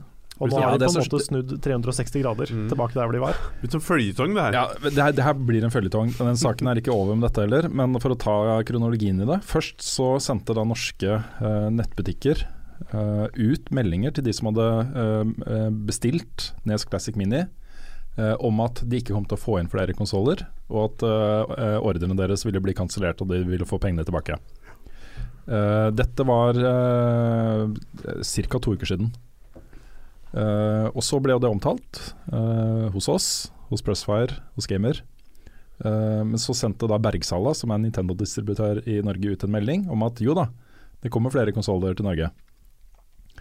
Og så, uh, i helgen, så begynte da nettbutikkene igjen å sende ut melding til folk om at det ikke kom flere konsoller. Uh, så da sendte jeg en mail til Bergsala og spurte, og fikk svar da fra Inga-Britt eh, der. Hun skriver den globale produksjonen av Nintendo Classic Mini Nes pågår fremdeles, og Nintendo har ikke satt en sluttdato for produksjonen. Men så skriver hun da videre Vi som Nintendo-distributører i Norden får imidlertid ikke bestille flere konsoller fra Nintendo enn det vi allerede har bestilt, og som vil bli sendt ut i løpet av våren. Så det her må jo tolkes. Jeg skal be henne om, be, be en avklaring eh, Be henne om en avklaring. Men sånn som jeg tolker det, så, eh, så er det sånn at alle de som da har gått inn i, i norske butikker og bestilt en Nes, eh, i hvert fall de fleste av dem, vil få konsollene sine. Men hvis du har bestilt etter en viss dato f.eks., så vil du ikke få kjøpe konsollen. Men siden dette gjelder Norden, så kan man andre ord bestille fra utlandet, da. Og så kan du importere det og tolle det og sånn sjøl. Det hadde jo bare vært teit. Ja, Så det, det- er det jo, men det det er- jo en mulighet, da. Ja da. Hvis du vil ha den, liksom. Absolutt. Så, Men det som, eh, det som får meg til å tro at denne saken ikke er over ennå, eh, det er jo nettopp det. Hvorfor får ikke Norden flere? Altså, eh, hva er det Nintendo ikke sier her? Jeg tror eh, det ble jo ganske sånn massiv outcry rundt dette, her, eh, så kanskje det er noe der, liksom. At de skal bare dempe, dempe den litt, og så kommer det en announcement senere i år om at Mm. de innstiller produksjonen eller et eller annet, jeg vet ikke. Mm. Men, øh, men jeg syns i hvert fall det er hyggelig da, at øh, det tilsynelatende er sånn at veldig mange av de som gikk ut på lansering og bestilte en og ikke fikk tak i en fordi det var utsolgt, får konsollen sin. Mm. Det er ålreit. Jeg håper det skjer. Eller så er det jo det helt, kommer det til å bli et helt insane samlerobjekt. Mm. Jesus, ja. Men altså Jeg forstår ikke helt hvorfor det er sånn. Nei, det, er, det er jo Den slo an så inn i granskauen til jul. mm. Bare noen få fikk tak i den. Og alle ville ha den. Hvorfor ikke bare la folk kjøpe den konsollen? Teorien da, det er jo at, øh, at øh, folk har klekka den. Det er mulig å legge inn uh, hva som helst av NES-spill på den. Eh, Det er plass til 60 spill på den. Uh, og Du kan bytte ut de 30 som er der med 60 nye, eller du kan legge til 30 til. Eller også du kan gjøre hva du vil med den. da Kunne du ikke ha fra andre konsoller også? ja, Det fall- er mulig, jeg Jeg vet så ikke. noen hadde fiksa det, så kunne spille Nintendo 64-spill og sånn på den. Ja, men hvis du, er, hvis du har lyst til det, så kan du kjøpe deg en Raspberry Pi. Ja. Og så kan du få Nintendo 64 og Sega og alt mulig rart, liksom. Ja. En sånn liten, bitte liten Ja. dings. Eh, jeg så en som hadde lagd en koffert. Han hadde sånn, tatt en, eh, en monitor, Mm. eh, også en Raspberry Pi, og så hadde han fire trådløse kontrollere kobla til Raspberry Pi. Ja, Og da en, bare inni en koffert ikke sant, med polstring og sånt. Så bare slo han opp den, så hadde han skjermen, og så kobla han strøm til skjermen, og så hadde han kult. Nice. Det er dritstilig. Ja. Um, så, så jeg, men jeg tror det er det. Jeg tror, fordi uh, Hvis dere husker PlayStation 1, eh, hvor lett det var å få tak i en modda versjon, Mm. og, og det, hvor lett det var å brenne spill til kompisen din og sånne Ja. Det husker jeg var sånn der, Det var sånn drug-kartell i Tønsberg. Ja, ikke sant? Hvor, eh, da var jeg, gikk jeg på, gikk jeg på barneskolen, og alle hadde liksom en onkel eller en kompis da Mm. som drev var brent og kunne liksom modde PlayStation din og sånn. Ja, ja. Men det var litt hysj-hysj, for det var ikke lov. Så det var sykt fett. Du kunne få liksom brente spill. Det var, Mm. jeg husker det var en der svær business, Da. Ja, de der mappene folk kom med, med sånne, ja. ja. sånne CD-mapper. Som de hadde på innerlomma, med sånn kjøper vil noen spill av meg. Ja, det var helt på det nivået der, altså. Mm. Uh, så, så jeg tenker liksom at hvis uh, det mest uh, Det jeg har mest tro på her, er at eh, Nintendo frykter den greia der litt. Rann. At det kommer til å bli Alle kommer til å kjenne igjen, som vet hvordan man modder en eh, NES Classic. Og så kan du bare legge inn hva du vil på den. Og de har jo fortsatt et høyst levende virtual console-marked, hvor folk driver og kjøper Super Mario Bros 3 for tiende gang og sånt. Ja, det er sant, det. Ja. Men de må jo være klar over at piratkopiering av Nintendo-spill er overalt. Ja da. Det er jo mye lettere å få det til på PC enn på noe annet. Mm. Det kan også være litt sånn uh, Altså, det er farlig å snakke om det kanskje, fordi man må jo anta ganske mye. Men uh, de er jo litt sånn rare på YouTube og litt sånn, Ja, litt sånn bitre. Det blir fort litt sånn furtne på Ja. ting, på en måte. Ja. At det er, kan være litt det, da. Ja, greit, dere klakka konsollen vår, da kan dere bare ha det så godt. Da gidder vi ikke å lage flere. ja Det Det, føles litt sånn, det hadde faktisk ikke forundra meg om? Nintendo tok en sånn. Nei. Men uh, en positiv nyhet i den smørja her, da. Det er jo at eh, Nintendo har gått ut og sagt at eh, hvis du er Nintendo Club-medlem uh, og kjøper et virtual console-spill, så vil du kunne spille det på andre plattformer enn den du har kjøpt den på nå. Ja, fordi nå kan du reservere brukernavnet ditt på Mhm. Nintendo Network. Ja. Nye brukernavn som har kommet nå. Ja. Uh, jeg gjorde det nå, så jeg håper jo at det betyr at jeg kan overføre en del settings og kanskje noen spill fra Wii U-en min til Switch når jeg, når jeg kobler til den. Jeg er usikker. Jeg er usikker på om det vil være mulig, men i hvert fall ting du kjøper nå, da. Ja. ja, for nå har jeg i hvert fall i teorien kobla sammen 3DS-en, Wii U-en og Switchen min Mm. når jeg får Switchen. Så skal du se, jeg bare, bare sier det her og nå. Neste konsollen til Nintendo, så skrinlegger de eh, Nintendo Network og lager noe helt nytt. Og så må de kjøpe det på nytt. Kjøpe det på nytt allikevel. Ja, det. Mm. Der, der er Nintendo verstinger. Jeg lurer på hvor mye penger de har tjent på, eh, på at folk kjøper det samme spillet om og om igjen på forskjellige plattformer. Det må Mm. være usannsynlig mye penger. Det må det. Fordi det er liksom en hundrelapp, og så får du et uh, dødsbra spill som du husker fra barndommen din eller fra forrige konsoll fra Nintendo. Men du hadde jo du hadde én ting på Wii U. Det er ikke en bra ting, men en ting. Hvor du, hvis du hadde kjøpt et virtual console-spill på Wii og overført det til Wii U, så kunne du få spillet for en tier. ja, nettopp. Men det er fortsatt en tier. Det er fortsatt en Hvorfor tier. skal de ha den tieren? Ja. Hva er det for noe, liksom? For at du skal spille det samme spillet på en ny konsoll? Det er som om du skulle måtte betale for å overføre Steam-spill fra en PC til en annen, liksom. Det er bare sånn bastard-avgift. Ja. Det er bare en drittsekkavgift. Sucker. Ja. Det er helt unødvendig. Bare gi oss penga. Ja, At ikke de bare kunne liksom gi oss de spillene vi har kjøpt. Mm. Det er veldig rart. Men uh, det er i hvert fall Hvis ikke de har det engang på Switch, det er rart, syns jeg. Yeah. Nei, Vi får se da hva som skjer med NES Classicen. Uh, jeg er jo i en litt sånn kinkig situasjon her, fordi eh, det var jo utsolgt. Jeg kom på at det hadde vært en perfekt uh, bursdagsgave til datteren min, Mm. som hadde bursdag i januar. og sendte da en mail til, eh, til Mikkel i Komplett. Og lurte på om de tilfeldigvis hadde NES Classic liggende på et lager som de ikke hadde solgt ut ennå, eller et eller annet, liksom. Det var jo sånn longshot. Ja, ja. Uh, jeg var jo på Finn, og de folka var jo helt crazy. De skulle ha 2500 for den og sånn. Mm. Helt uaktuelt. Um, da er en sånn sånn bitter uh, utveksling med en fyr der. Den lå ute for 2000, og det var maks for meg. ja. 2000, ok, for å gjøre dattera mi glad og gi henne en, en Nes-opplevelse. Mm. Det er jeg villig til å betale. ja. Men så begynte han sånn Ja, det er noen som har bitt 2500 Å ja, ikke sant. Men hvis du betaler i dag, så kan du få den. Mm. Da bare sa jeg nei, det er jeg ikke interessert i. Og så drev han og sendte meg masse meldinger etterpå. Liksom, ja, nå er det, den er fortsatt ledig, tilgjengelig for to og et halvt. Og, Ja, for han har ikke solgt den for den nei, til han andre jeg fyren. vet ikke. Åh, jeg blir så provosert av det. Ja. Det er liksom sånn- Generelt Finn, så er det sånn uansett om du kjøper eller selger. Jeg prøvde å selge en TV på Finn en gang, Mm. og den var ganske ny, da. Så jeg solgte den for 4000. Uh, og så var det en fyr som bare Jeg, jeg betaler 1000 kroner. Det er mitt siste bud. Det er bare fuck off. Ja, ja, ja. Så det er bare, bare dritt. Ja, For meg så er det litt sånn eh, eh, sånn- et sånn samlerobjekt eller en sånn opplevelse som Nes Classic Mini er. Jeg, for min del så går det i kategori med konsertbilletter. Hvis du kjøper billetter til en konsert, så er det fordi du er fan av bandet og har lyst til å se den konserten. Eh, og hvis du ikke kan allikevel, så bør du gi noen andre fans som ikke har fått tak i billett, muligheten til å se den konserten Mm. til den prisen du kjøpte det for. ikke sant? Eh, jeg, hver gang det har skjedd med meg, så har jeg solgt til innkjøpspris. liksom. Billetter. Aldri har aldri solgt for mer, selv om jeg kunne gjøre det. Det er kompis, syns jeg. Ja, men jeg syns det er riktig. Det handler om kultur, ikke sant. Uh, og for meg så gjør Ness Classicen det også, da. Mm. Uh, men jeg skjønner jo selvfølgelig at uh, folk ser sitt snitt da, til å tjene en slant på det. Ja, du får sikkert kjøpt en Switch for 10 000 kroner i løpet av et par uker Helt sikkert. rundt omkring. Ja. Jo, men poenget er at jeg, jeg sendte den mailen, eh, meldinga til Nik Nikkel. Nikkel. Mikkel. Eh, og han var sånn Nei, vi har ikke. Og så gikk det litt tid, og så sendte han svar tilbake om at du, jeg har jo en NES Classic hjemme, jeg, men jeg bruker den ikke. Jeg har ikke egentlig tid til å bruke den før til sommer. Så hva om du eh, bestiller en NES Classic eh, hos Komplett eh, på ditt navn, med utlevering i Sandefjord, og så tar jeg bare og henter den når den kommer. Så jeg ble jo superhappy. Ja. Det var kjempekompis, ikke sant. Mm. ja, Mikkel er en kjernkar. Ja, ja. Og så kom det da beskjeden om at ikke det ikke kommer flere konsoller. så sitter dattera mi med classicen hans, ikke sant. Ah. Mikkel er jo like stor spiller som vi er, liksom. Ja, ja. Så det er jo en uh... Så jeg håper da for Mikkels del Ja. at Komplett får inn flere, ja. ja, vi får på det. sånn at min forhåndsbestilling av den Ikke så veit vi hvem som har skylda.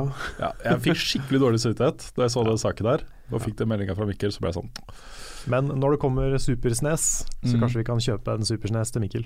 Ja, det kan vi kanskje gjøre. Som en eh, unnskyldning. Ja, Mm. kanskje det.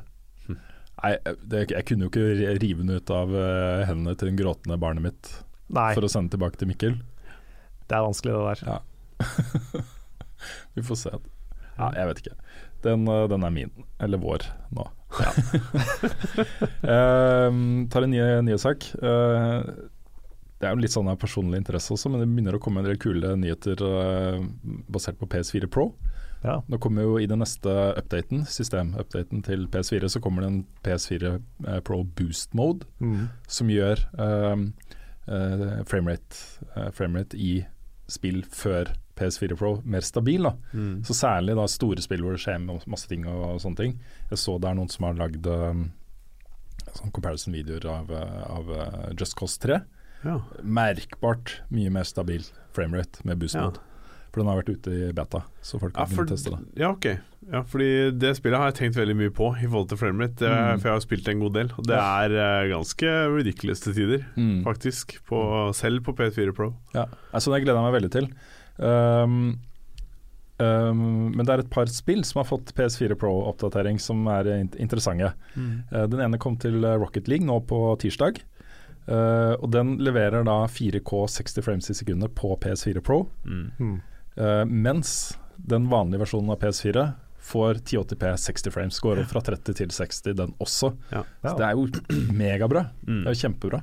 Ja, herregud. Og så tenker jeg men det, det måtte de jo nesten gjøre òg. For jeg tenkte at hvis de bare hadde- levert 60 frames på én konsoll, Mm. for disse kan jo spille mot hverandre, de får jo fordel. Hvis de ikke har Altså, ja. Jeg så den saken da jeg lagde Level Update, uh, siste episoden av den. Mm. Og Da leste jeg starten på den, bare sånn eh, 60 frames i sekundet på PS4 Pro. Jeg begynte å hamre litt sånn uh, det var manuset Oh my mitt God, bare- Skandale! Ja. Stolt som bare, Å ja, 60 på uh, vanlig PS4 også, ja. Det er ok, greit. Det er jo tipp topp, tommel opp. Så var alt det liksom bare waste. Ja, ja. Um, og så har også Final Fantasy 15 fått, uh, eller får, en oppdatering. Ja, det har vel Mm. kommet nå. Den har kommet nå, ja. Mm. Mm, med 60 frames i sekundet på Stemmer. PS4 Pro. Stemmer, stemmer. Nice, nice. Har Det var prøvd det? jo eh, Jeg har ikke testa 60 frames ennå. Men jeg syns jo i utgangspunktet Jeg spilte det jo på den, eh, den settingen som har høyest framerate. Mm. Uh, jeg merka egentlig ikke at den var lavere enn 60. Men det er kult at den er stabil på 60 nå. Ja. Så det er, eh, det er nice, det. Mm. Mm. Jeg er glad i eh, Proen min, jeg også. Ja, nå begynner jeg, nå begynner jeg å liksom forsvare det overfor meg sjøl at jeg kjøpte den. For i starten så klarte jeg ikke helt det, men nå begynner det å, nå begynner det å hjelpe. Mm. Siste saken her trenger vi ikke å snakke så eh, lenge om, egentlig. Men eh, det er en sak vi har fulgt litt, eh, i hvert fall oss imellom. Ja, Det er jo Jim Sterling. Vi er veldig glad i Jim Sterling. Um, jeg syns han er rasende dyktig, rett og slett. mm. Jeg, utro, han er, jeg digger den kombinasjonen hans av veldig sær humor, Mm. ofte ganske drøy humor, Ja. eh, og utrolig mange gode poenger. Mm. Det er litt morsomt, fordi han er jo stadig under angrep fra folk på Twitter og kommentarfelt og sånne ting. Fra folk som bare syns han er en vits, Mm. og som han bare gjør seg til og sier ting for å overdrive og sånne ting. Ja, og folk som mener han er enten for politisk eller er uenig med en politisk. Og Ikke sant? Sånne ting. Eh, og han sier jo liksom at ja, eh, Jim Cusition-karakteren hans er en karakter, liksom. Det er en, en, en overdrevet versjon av han selv. Men det han sier er jo basert på hans egne meninger, ikke sant. Mm. Og så bare skrur han opp volumet litt og eh, gjør det til en greie, liksom. Ja. Og det Ja. er jo bare kult, Mm. Har sin det, egen boost mode. Mm. ikke sant? mm. det han skriver er jo han, på en måte. Ja, ja. Men uh, den derre 'thank God for me' det greia som han har, på Mhm. podiet der, hvor han liksom eh, preker til massene, det er jo en figur. Ja, ja, det, det er jo det. Og han er jo superironisk på det sjøl. Veldig. Han, egentlig så er han en fyr som, har, som ikke har all verdens selvtillit, sikkert. Men han, eh, han bruker da den figuren da, for å liksom Mhm. være det motsatte. Ja. Men uansett, han er en ganske, ganske mektig stemme i spilljournalistikken, vil jeg si. Det har blitt det. Um, og han er jo, en av hans greier er jo at han går til angrep på, eh, på kjipe spillutviklere på Steam. Det er Mm. på en måte litt av, eh, litt av hans ting. Og så han arresterer kjipe spillutviklere på uh, det de leverer på Steam. Mm. Og da er det snakk om altså ikke bare dårlige spill, men sånn du har kjøpt noen assets i Unity og pumpa ut noe dritt på en dag, og selger det for mye penger Ja, for å skamme spillere. nettopp. Det er de han går på. Mm. Ja. Og en av de utviklerne som han har hatt en løpende uh, feide med, er uh, utviklerne eh, di, eh, Digital. Digital Homicide, heter det. Mm.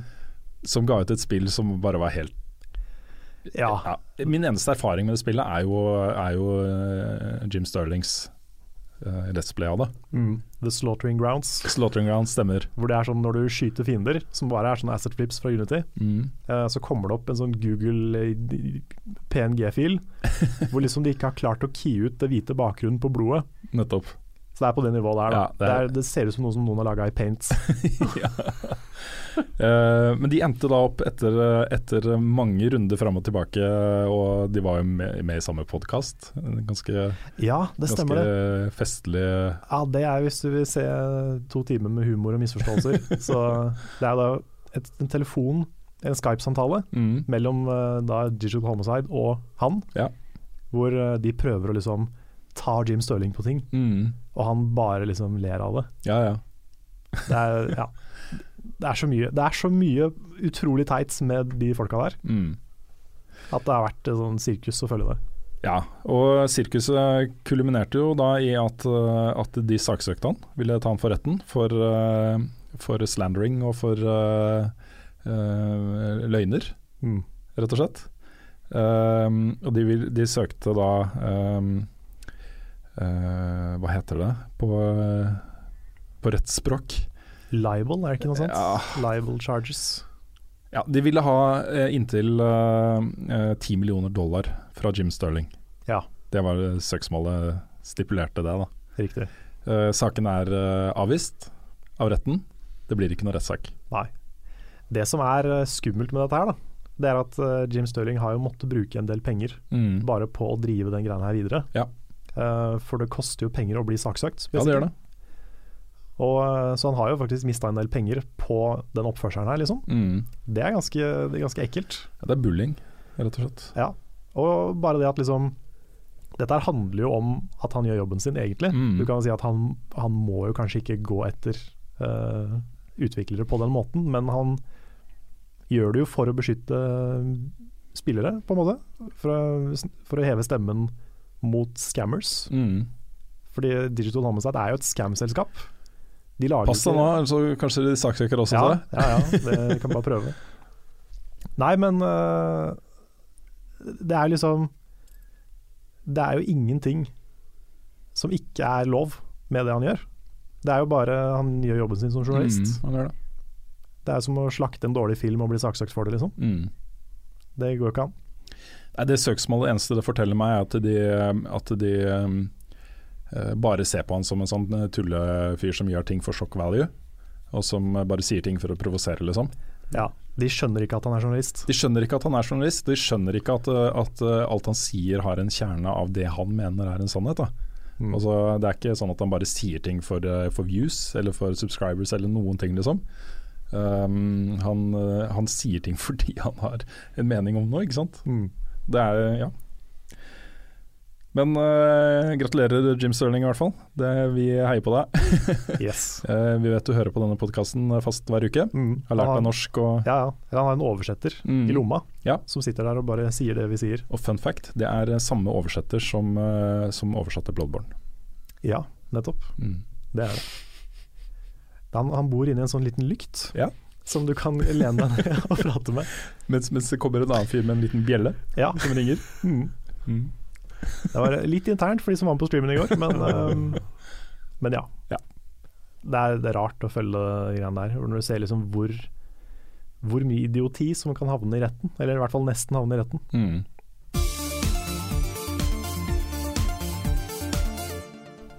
Da er det spørsmål og svar.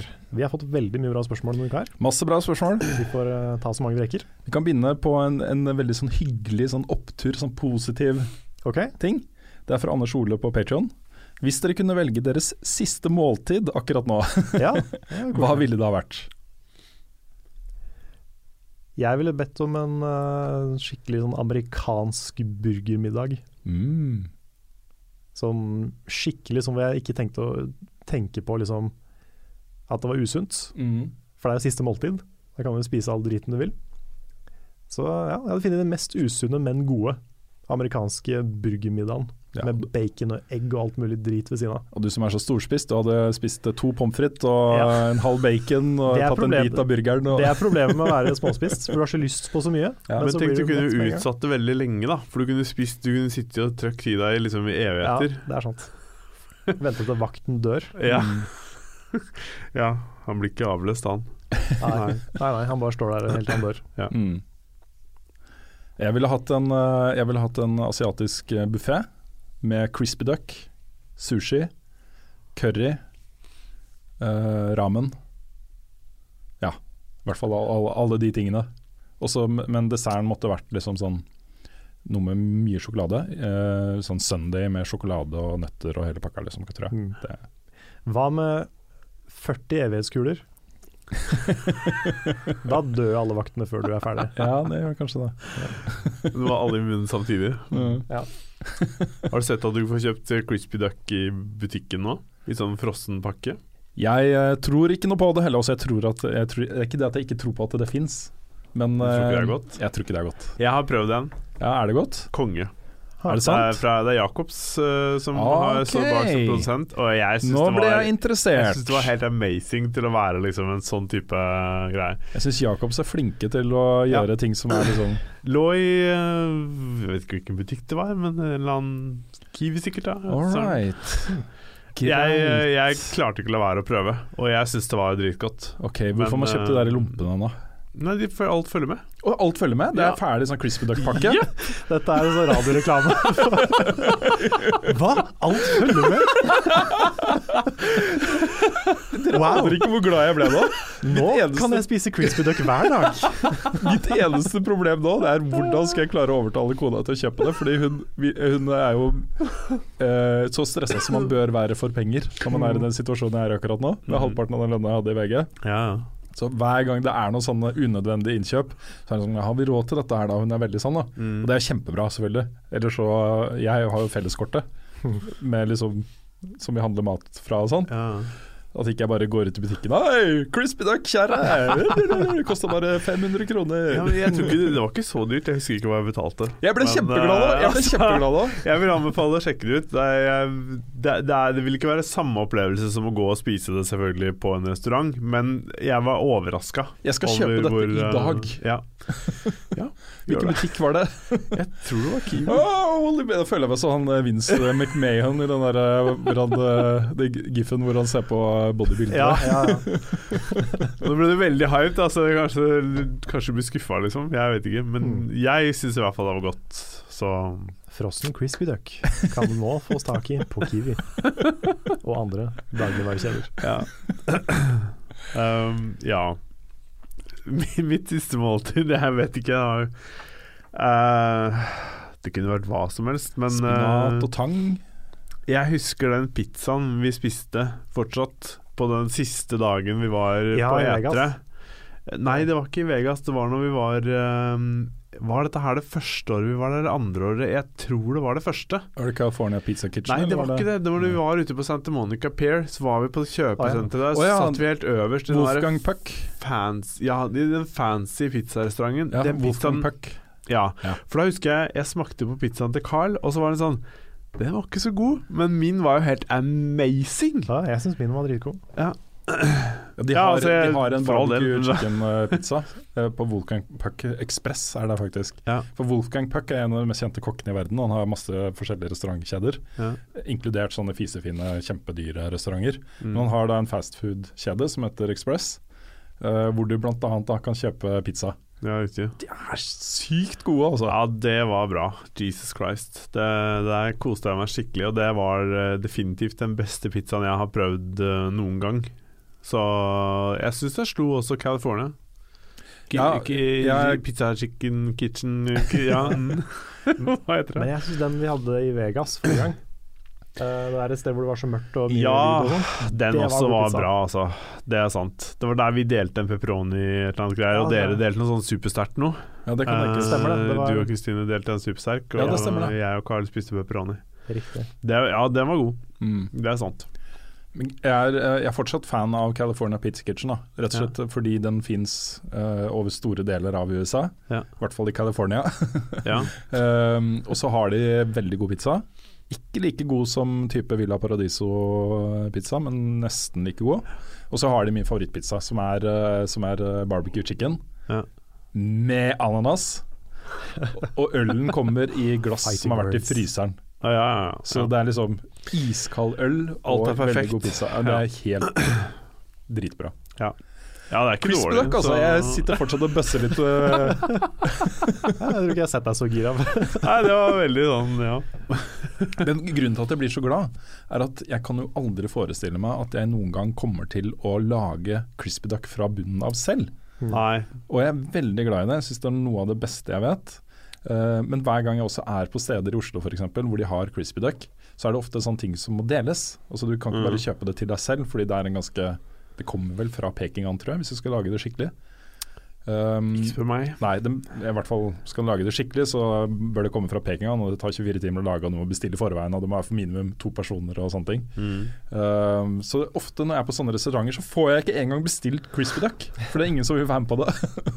Nei, jeg husker du dro med meg på det en gang. ja da, vi satt på Nodi og spiste Ja. crispy duck. Stemmer det. Jeg satt, det, det er sånn som når uh, du viser um, uh, Eller du skal få deg til å høre en Der, ja. Mm, kjempebra. Crispy duck. Uh, Lars viste meg bilde av det. Uh, når du skal spille en sang som du elsker til noen, og du Ja. sitter liksom og følger med på om de liker den eller ikke. Ja. Det var litt sånn det var da vi var på Nodi. ja, ok. ja Mm. Gjerne hvis du spiller av sangen med liksom en sånn dårlig mobilhøyttaler. Bare 'Dette er fett'. Hør, da.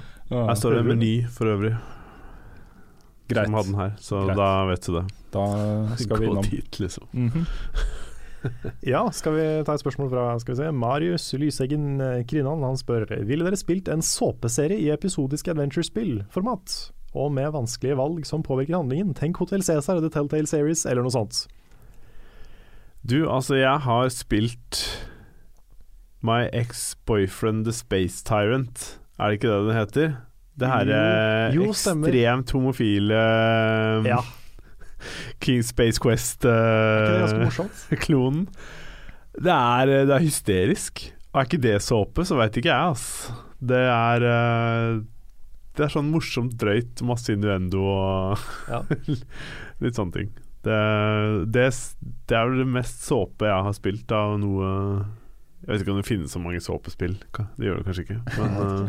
Jeg hadde spilt Hotel Cæsar The Telltale Series. Mm. du hadde det? Ja ja. Det er kjempegøy. Jeg tror jeg fort hadde kjeda meg. Uh, ja. uh, Ja jo.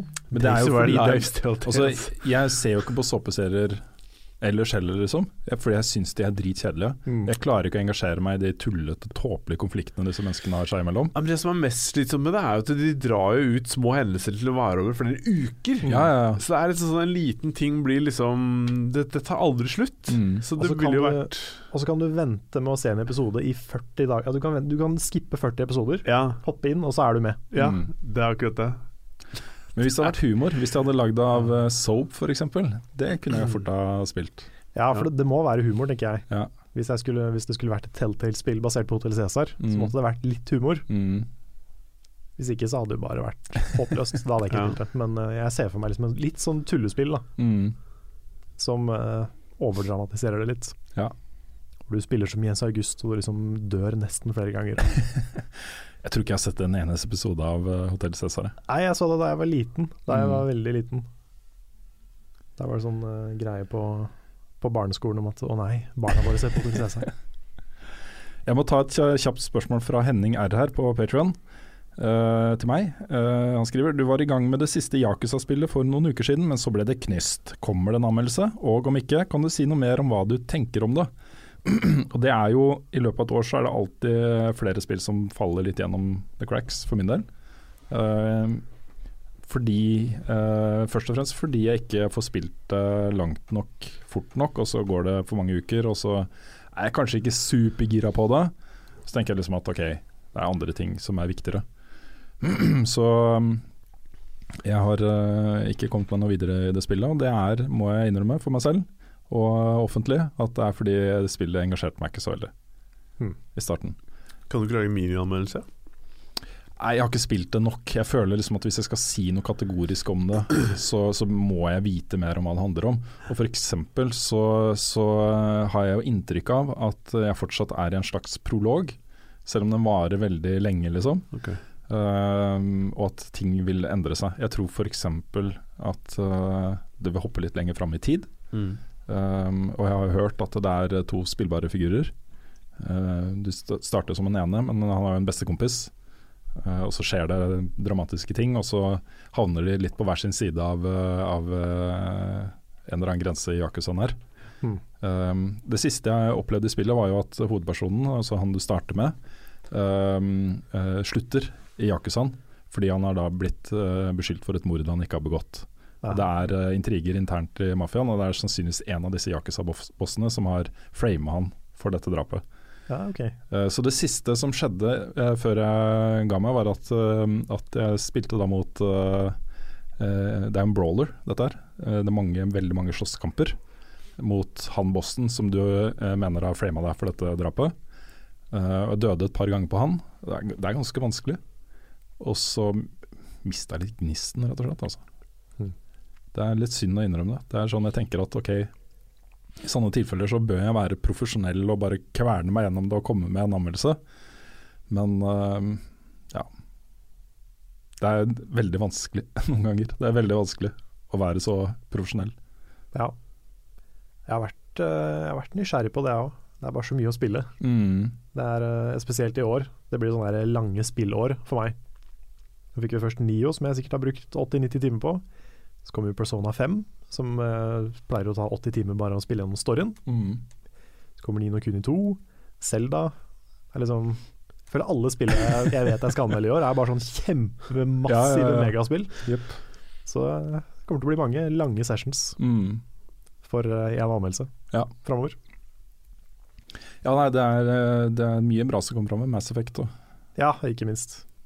Prey, Prey. Wildlands. Det er veldig mye. Yep. Veldig mye. Ukulele kommer, det er kanskje ikke så langt, men det skal jeg kose meg med. Mm. Et spill jeg gleder meg til, som er lansert nå på Steam, og som kommer eh, på mandag, tror jeg det er. På, eller tirsdag, mandag eller tirsdag. På PlayStation 4 og Xbox One. Um, Night in the Woods. Ja, det så jeg var ute på Steam. Det ser kjempebra ut. Jeg lurer på, Det kan vi kanskje gi til Frida. Er ikke Ja. det litt sånn Frida-spill? Mulig, mulig. Hun har jo hatt lyst til å anmelde noe nytt en stund. Mhm. Høre om hun har tid. Det kan være. Og så er det jo ikke så lenge til, eh, til eh, Little Nightmares heller. Ja, for nå, nå blanda jeg de to, men Ja. det var jo bra du sa det. For jeg tenkte, Er det det spillet du har snakka om? Men nei, det var det ikke. Nei. Det er jo Men ja, navnene er så like. Er det Ja, liksom, jeg også har eh, blander de litt, ja. eller jeg eller har gjort det. da Ja. Men uh, Night in the Woods er jo veldig sånn håndtegna 2D-plattformspill. Ja. Veldig kule Veldig kul stil på det. Ja. Uh, et adventure-spill, da. Ja. Mens Night in the Woods er jo mer 3D, men også sånn 2D-spillbarhet. Mm. Mye, etter det jeg har sett. Mm. Yes. Sorry, Henning, jeg, og til alle dere andre som har venta på Yakuza-anmeldelsen min. Jeg tviler på at jeg kommer til å rekke å lage en anmeldelse av det. Men det har, også det jeg kan si om det her og nå, er jo at det har noe ved seg. Jeg skjønner at folk digger det. Um, det er et veldig sånn uh, Enten så er du inni det, eller så er du det ikke-type spill. Vi har snakka om det med flere andre spill, Kingdom Hearts f.eks. Mm. Uh, hvis du først blir gira på den måten å fortelle en historie på, uh, og aksepterer en litt uh, sånn old fashioned spillbarhet, for det er ganske gammeldags. Rent gameplay-messig så kunne dette ha vært PS2, liksom. Mhm. Um, så er det mye her som er veldig interessant. Ikke minst uh, måten den uh, portretterer yakuza-kulturen og den japanske kulturen på, da, Mm. som jeg har veldig sansen for. Ok, Jepp. kult.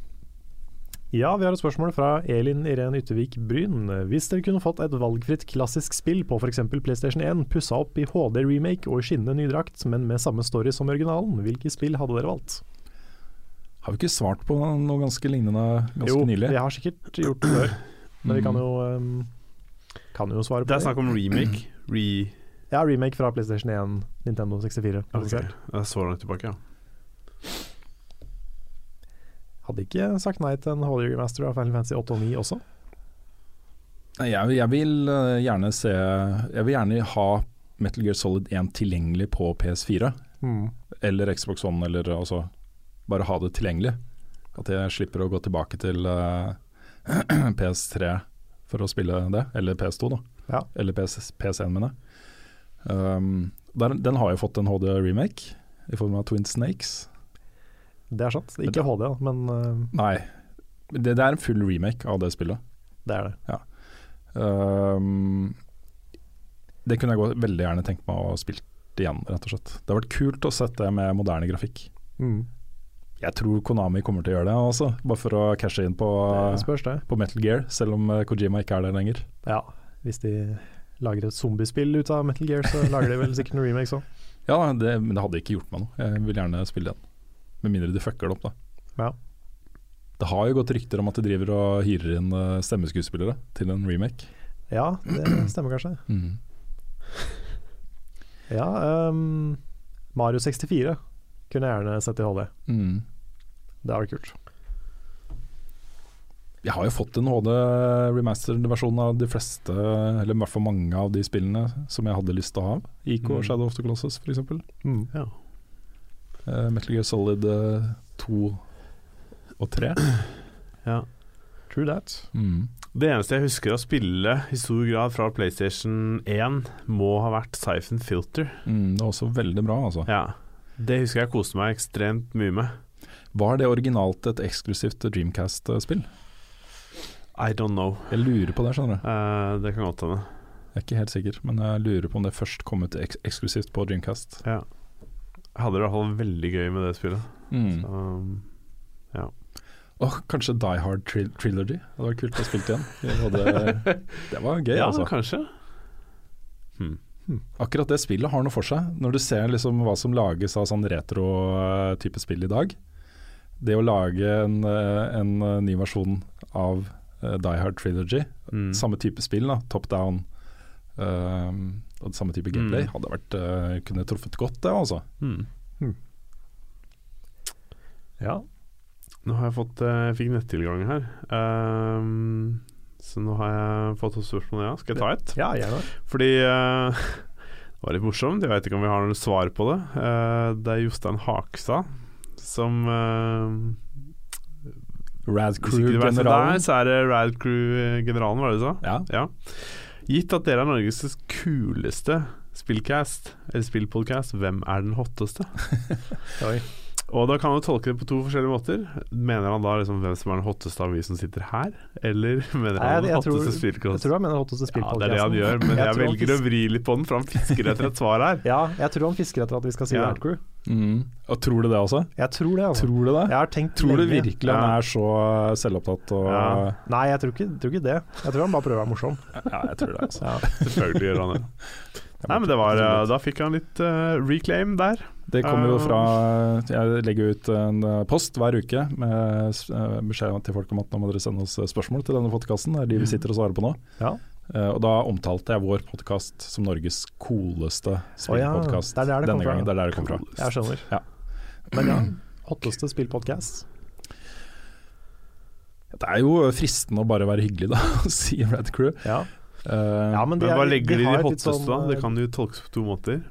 Jeg føler de er veldig aktive, og de er veldig sånn her det kommer masse fra de. Det er bra Mm. kvalitet på det. Mm. Sånn sett så er de veldig hotte, er det ikke det? Jo er da. ikke det det vil si å være litt hot? Jeg må sidestille, ja, jeg må sidestille det litt med Lolbua for min del også. Det er sånn, hvis jeg, en, hvis jeg har tid til å høre en annen norsk spillpodkast, og det er sjelden jeg har, altså. Det tar jo tar litt tid. Um, så er det de to. Ja. Jeg tenkte på liksom, jeg, jeg kan ikke si Saft og Svele, for de er liksom chille. ja, de Det er, det er Norges hotte. chilleste spillpodkast. Ja, det er veldig chill. Den hotteste, ja det er den. Det står mellom Radcrew og Lolbua. Ja. Lolbua er jo utgitt published by Radcrew, så Ja, så det er ikke en conflict of interest der. nei, ikke i det hele tatt. Men vi er veldig glad i deg, Jostein. Uh, takk for at du uh, hører på. Vi må få deg inn som gjest igjen en dag. Mm. Det, det må vi få til. Ja, det har vi snakka om flere ganger. Mm. Ja. Someday soon. -hmm. Ja, vi har et spørsmål fra Mathias Kjølstad. Han spør hva er det neste Nintendo-spillet dere vil ha en remake? Dette er nesten samme spørsmål igjen. Eh, Så lenge dere ikke sier Pokémon eller Zelda, for de kan godt ta seg en liten pause fra remakes. Så Nintendo-remake. Nintendo Remake. Jeg kunne tenke meg å sett en uh, remake av Earthbound-spillene. Mm. Nå kommer jo sikkert Mother 3 endelig på engelsk Mm. til, uh, til Switch. Super Metroid. Mm. Fortsatt i 2D, liksom. Fortsatt i 2D. Ja. Bare tilgjengelig på en plattform jeg bruker i dag. Ja, du, får, ja, du bruker kanskje ikke Wii U så mye, men du får det på Wii U. Ja, jeg har det kjøpt og lasta ned på Wii U. Ja. Eh, Jeg har det, jeg vet det. Takk for påminnelsen. Jo. bare- Pirkinga i den dårlige samvittigheten min. Mhm. Ja, ikke sant. Ja, Mm. nei, men uh, det kommer jo helt sikkert på Switch. Det er jo et av de spillene som bare alle vil ha. Mm. Og det skal jeg bare spille på paden. Ja, på tur, liksom. Mm? Ja, på tur og sånn, liksom. Nei, i sofaen hjemme, Ah, ja, ok. på paden. Ja. Da så. Ikke på TV-en, altså. Jeg vet ikke. Det er bare etter, jeg, har, jeg har hatt lyst på et håndholdt, et nytt håndholdt Metroid-spill ah, ja, sånn, så lenge. At bare, bare Jeg kan late som det er bare et håndholdt spill. Så har jeg Mm. fått det jeg har ønska meg i så mange år. Ikke sant? Mm. Men det er jo fordi jeg rangerer jo Metroid eh, Zero Mission, som er en remake av det første Metroid-spillet, øverst av alle Metroid-spillene. Selv over Super Metroid. Jeg syns det er det beste Metroid-spillet. Og jeg har spilt det så mange ganger og begynt å speedrunne det og sånne ting. Det var eh, Vi har et spørsmål til her fra Mathias Kjølstad. Han spør hvilket superheltspill ville dere likt å se om en superhelt som ikke har hatt sitt eget spill? Altså ikke Batman, men Flash derimot funker, og det er lov å si, noe, lov å si Supermann, siden han på en måte ikke har noen ordentlig bra spill sentra rundt seg. Det ligger mange føringer for spørsmålet her, føler jeg. Ja, Har Punisher fått et eget spill? ikke som jeg kan huske. Det vil jeg ha. Ja. Jeg vil ha et spill om Freakazoid. Alright. Det er, eh, det er ikke så mange som husker Freakazoid, men det var en sånn tegnefilmserie som gikk da jeg var liten, uh, sammen med Animaniacs og alle de der. Det var sånn Steven Spielberg-serier som var dritmorsomme. Mm. Det hadde vært kult. En Freakazoid-serie. Spill med det. Ja. Jeg vet ikke, jeg. Altså, jeg satt og tenkte på um, Holdt på å si uh, sånne gamle tegnefilmhelter. Jeg vet ikke om det er en superhelt ak akkurat. He-Man og sånn. Tels ikke han som superhelt, da? Jeg kunne Jo, litt, jeg ville, jeg ville Ja, jeg kunne litt så sett i liksom noe sånne ting i så fall. Jeg har Det kunne ikke vært skikkelig så kult, et sånn campy 80-talls uh, Ja. He-Man-spill. Ja. Det har Ja, vel kommet et He-Man-spill for noen år siden. Kom det ikke et He-Man-spill? Lurer på det. Et sånt Gjorde 2D, 2D, litt sånn enkelt Dette må jeg nesten Ja, jeg eh, google, kjenner jeg. For det er jo litt sånn eh, Det høres jo gøy ut. mm. Men uh... I am Shira, princess Ja. of power. De hadde så sykt attitude, de der Ja, de hadde det. seriene der. det var bra, altså, eh, serie. Da jeg så jeg var liten. Jeg hadde alle figurene òg. Sånne eh, lekefigurer. Mm. Mm. Hvis de hadde brukt liksom 80-tallet, 90-tallet, sånn som eh, Trials eh, of the Blood Dragon Mm. bruker det, Ja. det kunne funka, det. Ja, Altså. det er akkurat det. Du må ha den der eh, ironiske distansen til det, så blir det kjempegøy. Ja, Mm. det gjør det. Og så må du bare representere det skikkelig bra. Ja. Med de der tegnefilmreklamene med sånne Mm. hender som kommer inn og bare smeller den leka i bordet. Yes. Og bare 'Dette må du ha!' ja. Jesus. Det, Mens, Det er litt eh, mens Lars googler eh, He-Man uh, videogame, så uh, kan jeg ta et nytt spørsmål. Eh, det er fra Ruben Hiller Fosshaugen på Patreon Eh, han skriver at han akkurat så Bloodborne Stream og må si det var veldig gøy. Lurer på om eh, dere, altså Rune, kan ta opp mer av Bloodborne gjennomspillinga. Vet at det kommer på Film i tull, men en montasje av klipp med Rune og reaksjonen hans. Mens han kommer seg gjennom, vil dette vidunderlige spillet for første gang hadde vært veldig underholdende. Og jeg har jo tenkt til å kjøre facecam uh, mens jeg spiller, Ja. og recorde. Uh, det kan hende at, uh, at det blir to filer. En gameplay-fil og en Jeg vet ikke helt akkurat hvordan jeg skal gjøre det, okay. men uh, det finner vi ut av. Men at jeg i hvert fall kjører facecam og synker det opp mot uh, video, så Ja. prøve å få til det i hvert fall. Nice. Så eh, vi får se. Jeg kan ikke love det, men vi skal prøve. Ja. Det hadde vært veldig kult om du klarte å komme deg til Gascoin Mm. før mandag. Jeg skjønner hvis ikke du får det til, men Jeg må prioritere Horizon nå, Ja. men eh, jeg skal prøve. mm. Eh, yes, jeg har et spørsmål til her også, hvis ikke dere har Ja, nei, bare Ja, på det. det er fra Martin Rotmo. Det er relatert til diskusjoner vi har hatt tidligere i denne podkasten for en fire-fem timer siden. Ja, riktig. Eh, han har to spørsmål. Uh, det ene er Rune sier 'spiller mot spiller' i et av innslagene i siste Level Update. Tenker dere, om, tenker dere over om dere skal gå for dette og andre fornorskede uttrykk som strømming og nettbrett? Mitt inntrykk er at media må eller vil bruke dette, mens ingen i målgruppen bruker, bruker det seg imellom. Hva liker dere best, og må dere følge de fornorskede ordene fordi, fordi dere er media? Um, Svaret for min del, jeg er glad i gode norske oversettelser. Spiller mot spiller er vel så bra som player versus player, PVP. Sier Spiller mot spiller forklarer hva jeg skal si på en så tydelig måte at ingen klarer å misforstå det. Så du mener SMS? SMS, SMS-mode eller uh, SMO. Spiller mot området. Ja. Mm. Uh, det, det bruker jeg ikke. Jeg, jeg bruker mye PVP og PVE når jeg snakker om spill, i Mm. podkasten og i anmeldelser og sånne ting. Men uh, hvis jeg skal være liksom jeg vil, under, jeg vil understreke hva det er jeg snakker om, uten å forklare hva jeg snakker om. Hvis Kunne ikke vært mann mot mann, eller mann mot natur. Det er litt mer sånn Ja. Mm. Men eh, generelt, da. Det generelle svaret på det for min del er at jeg er nok mer glad i gode norske uttrykk enn det dere er. Ja, det tror jeg nok. Ja. Jeg, for meg så kommer det veldig an på om jeg skriver en anmeldelse, eller om jeg bare prater i en podkast. Mm. For når jeg prater i en podkast eller på en stream, så bare prater jeg sånn som jeg prater. Ja da, jeg har brukt masse engelske uttrykk i denne, bare denne podkasten. Kan sikkert lage sånn ding for hver, og det kommer opp i en 2030.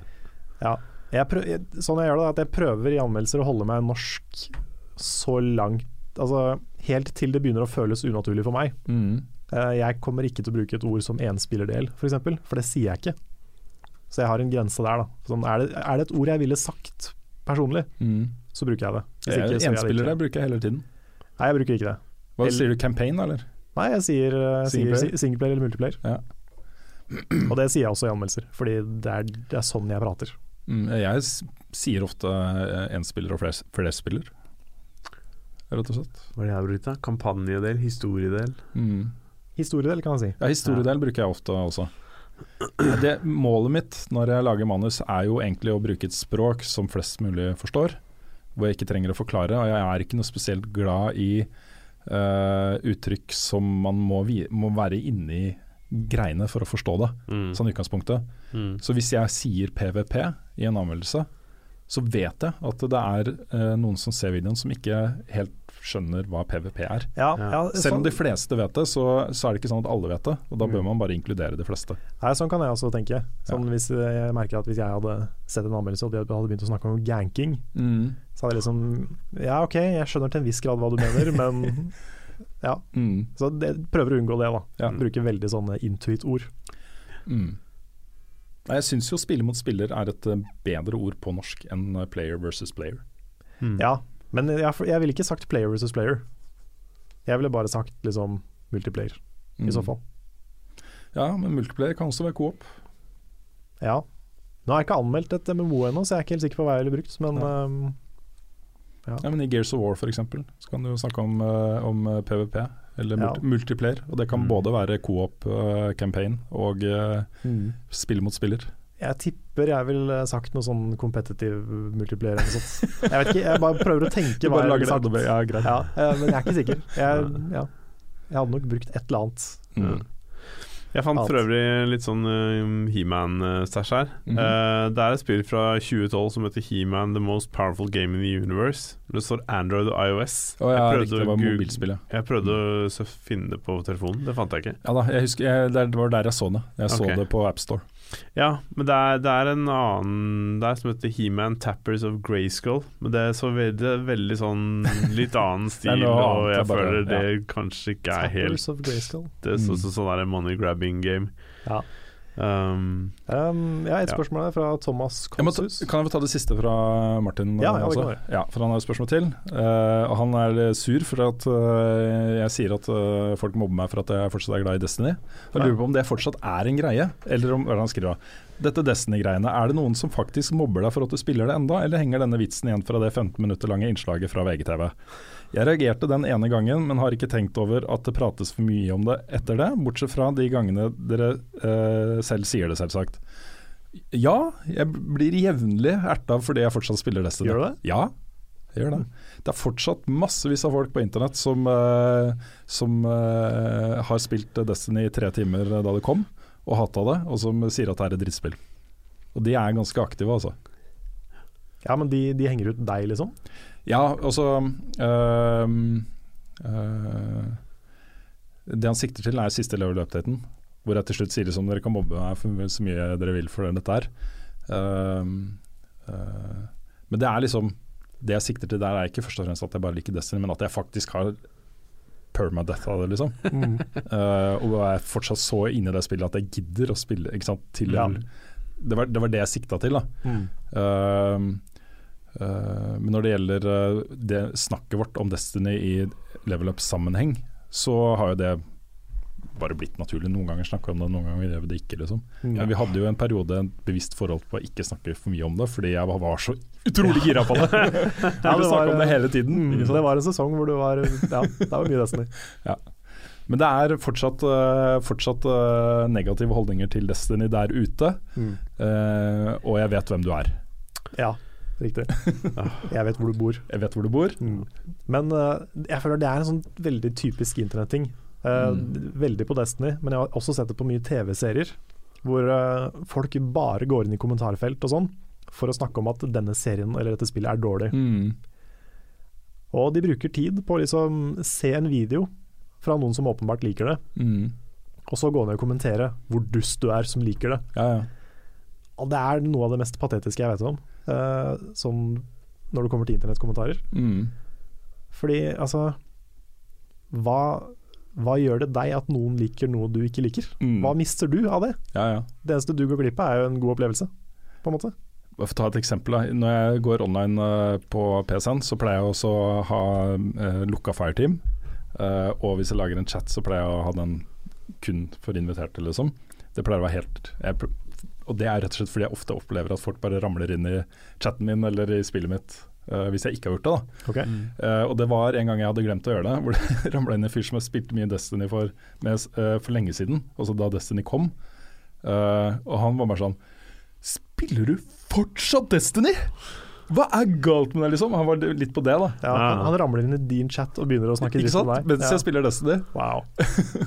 Og det er liksom eh, Ja, la meg nå kose meg med dette her, liksom. Det, det er min, min, eh, min greie. Mm. Ja. Men det er også, jeg tenker også litt sånn, for jeg har jo, det har hendt at jeg har vært litt streng mot et spill. Uh, og har fått noen kommentarer som er litt sånn sure på Du tar feil for dette spillet her er bra. Ikke sant? Så at det Mm. går den omvendte veien. Og da så er det sånn Det er jo bare hyggelig at du fikk mer glede ut av det spillet enn jeg gjorde. Ja, på en måte. det er det. Det er jo bare det, Jeg blir ikke sur av det. Mm. Hvis noen liker et spill jeg ikke liker, så er det kjempebra. Bare kos deg. Ja. Det er jo bare fint at Mm. eh, det går an å sette pris på noe jeg ikke klarte å sette pris på. Mm. Så ikke Men det er feil, Karl. Du må Ja, det er feil. Ja, Det er fordi det er fasitsvar på hva som Ja. er bra og hva som er dårlig. du, kan ikke, du, kan ikke, du kan ikke si sånn. Nei, det er, det er helt sant. Mm. Jeg får vel legge til også at eh, Martin avslutter med å si stå på og gratulerer med dagen på etterskudd. Han er, Tusen takk. Uh, var ikke så sur som han kanskje hørtes litt ut som Å ja. på Destiny-spørsmålet. Ja, nei, Martin er en bra, bra mann, han. ja. Eh, Thomas Kolsus spør eh, Nintendo Switch er jo like rundt hjørnet. Ofte er jo Nintendo først ute med nyskapende ting. Tror dere PlayStation og Xbox eh, kommer med lignende løsninger som Switch? Da tenker jeg på en bærbar og stasjonær i en og samme maskin. Ja, altså Microsoft er i hvert fall på vei dit uh, med den, den greia de kjører nå, med Windows Everywhere. Altså du kan ha Windows 10, Xbox Live på Windows 10, du kan kjøpe spill på PC, spille på Xbox. Ja, det er sant. Det kan utvikle seg litt i samme retning. Ja. Ja, for da ikke sant, de har Surface i tillegg, ikke sant. Um, garantert. De kommer til å kjøre den pakka der. Hvor uh, det til slutt ender opp med at du kan spille det spillet på PC, på smarttelefon, på tablet eller på uh, Xbox. Garantert. Mm. PlayStation litt mer usikker. Ja, jeg tipper det er litt sånn som det var med Wii, at hvis det eksploderer sånn som Wii Mote gjorde, så vil det komme kopier. Ja, de har jo disse tingene. Mm. Hva er det de heter igjen? PlayStation Move. PlayStation Move, selvfølgelig. Ja, det, det var jo en respons til Wii. Ja, ja, ut, det, uten tvil. Og Kinect var jo også det. Mm. Så Um, hvis eh, Nintendo får en ny, eh, legger et nytt gulegg, så prøver vel Xbox og Sony å gjøre det samme. Mm. Ja, jeg vil, eh, jeg vil tro det. Og ehm, tidligere så har det vært vanlig at det kommer en slim-versjon av konsollene til, eh, til begge to. Eh, det, det er jo ikke utenkelig at en, eh, en slim-versjon av PS4 vil være bærbar Ja, med en skjerm, liksom. med en skjerm. ja. Ja, det er sant det. Mm. PlayStation Ja. 4 Go.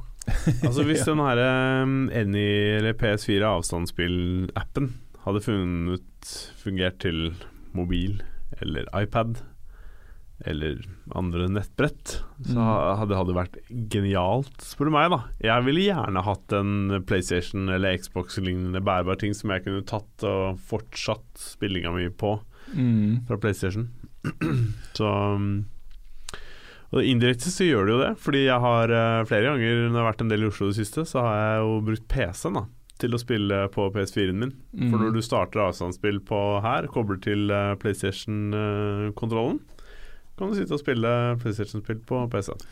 Ja, også det er jo det er jo ikke, det er jo ikke så far-fetched som kanskje mange syns det høres ut som heller. Fordi eh, måten å løse det på for Sonys del ville vært å bare lansere en håndholdt spilldings med en harddisk Mm.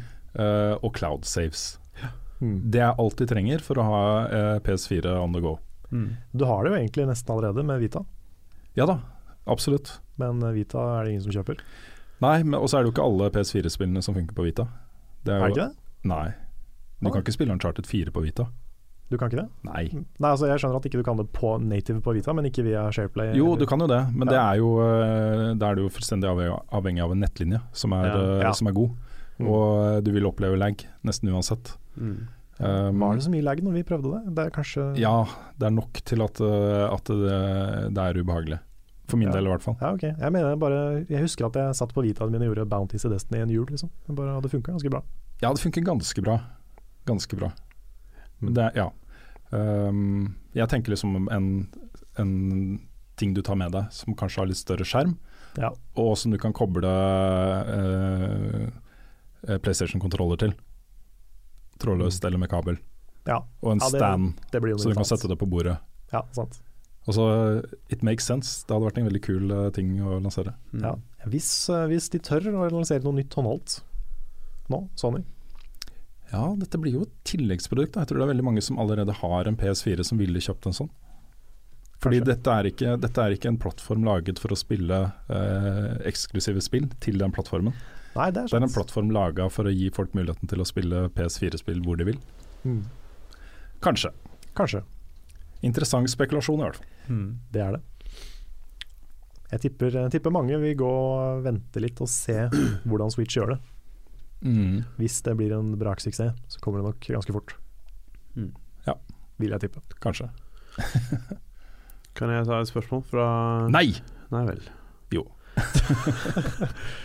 Gard Kvilvang han lurer på hva er deres favorittstrategi, spill uh, slash serie noensinne?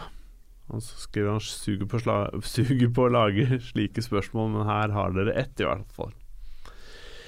Det er bra. Bra innsats. Ja, det, ja. Det er jo Det funker, det. Ja. For min del så er det jo det gjennom tidene, så er jo det Settlers-serien.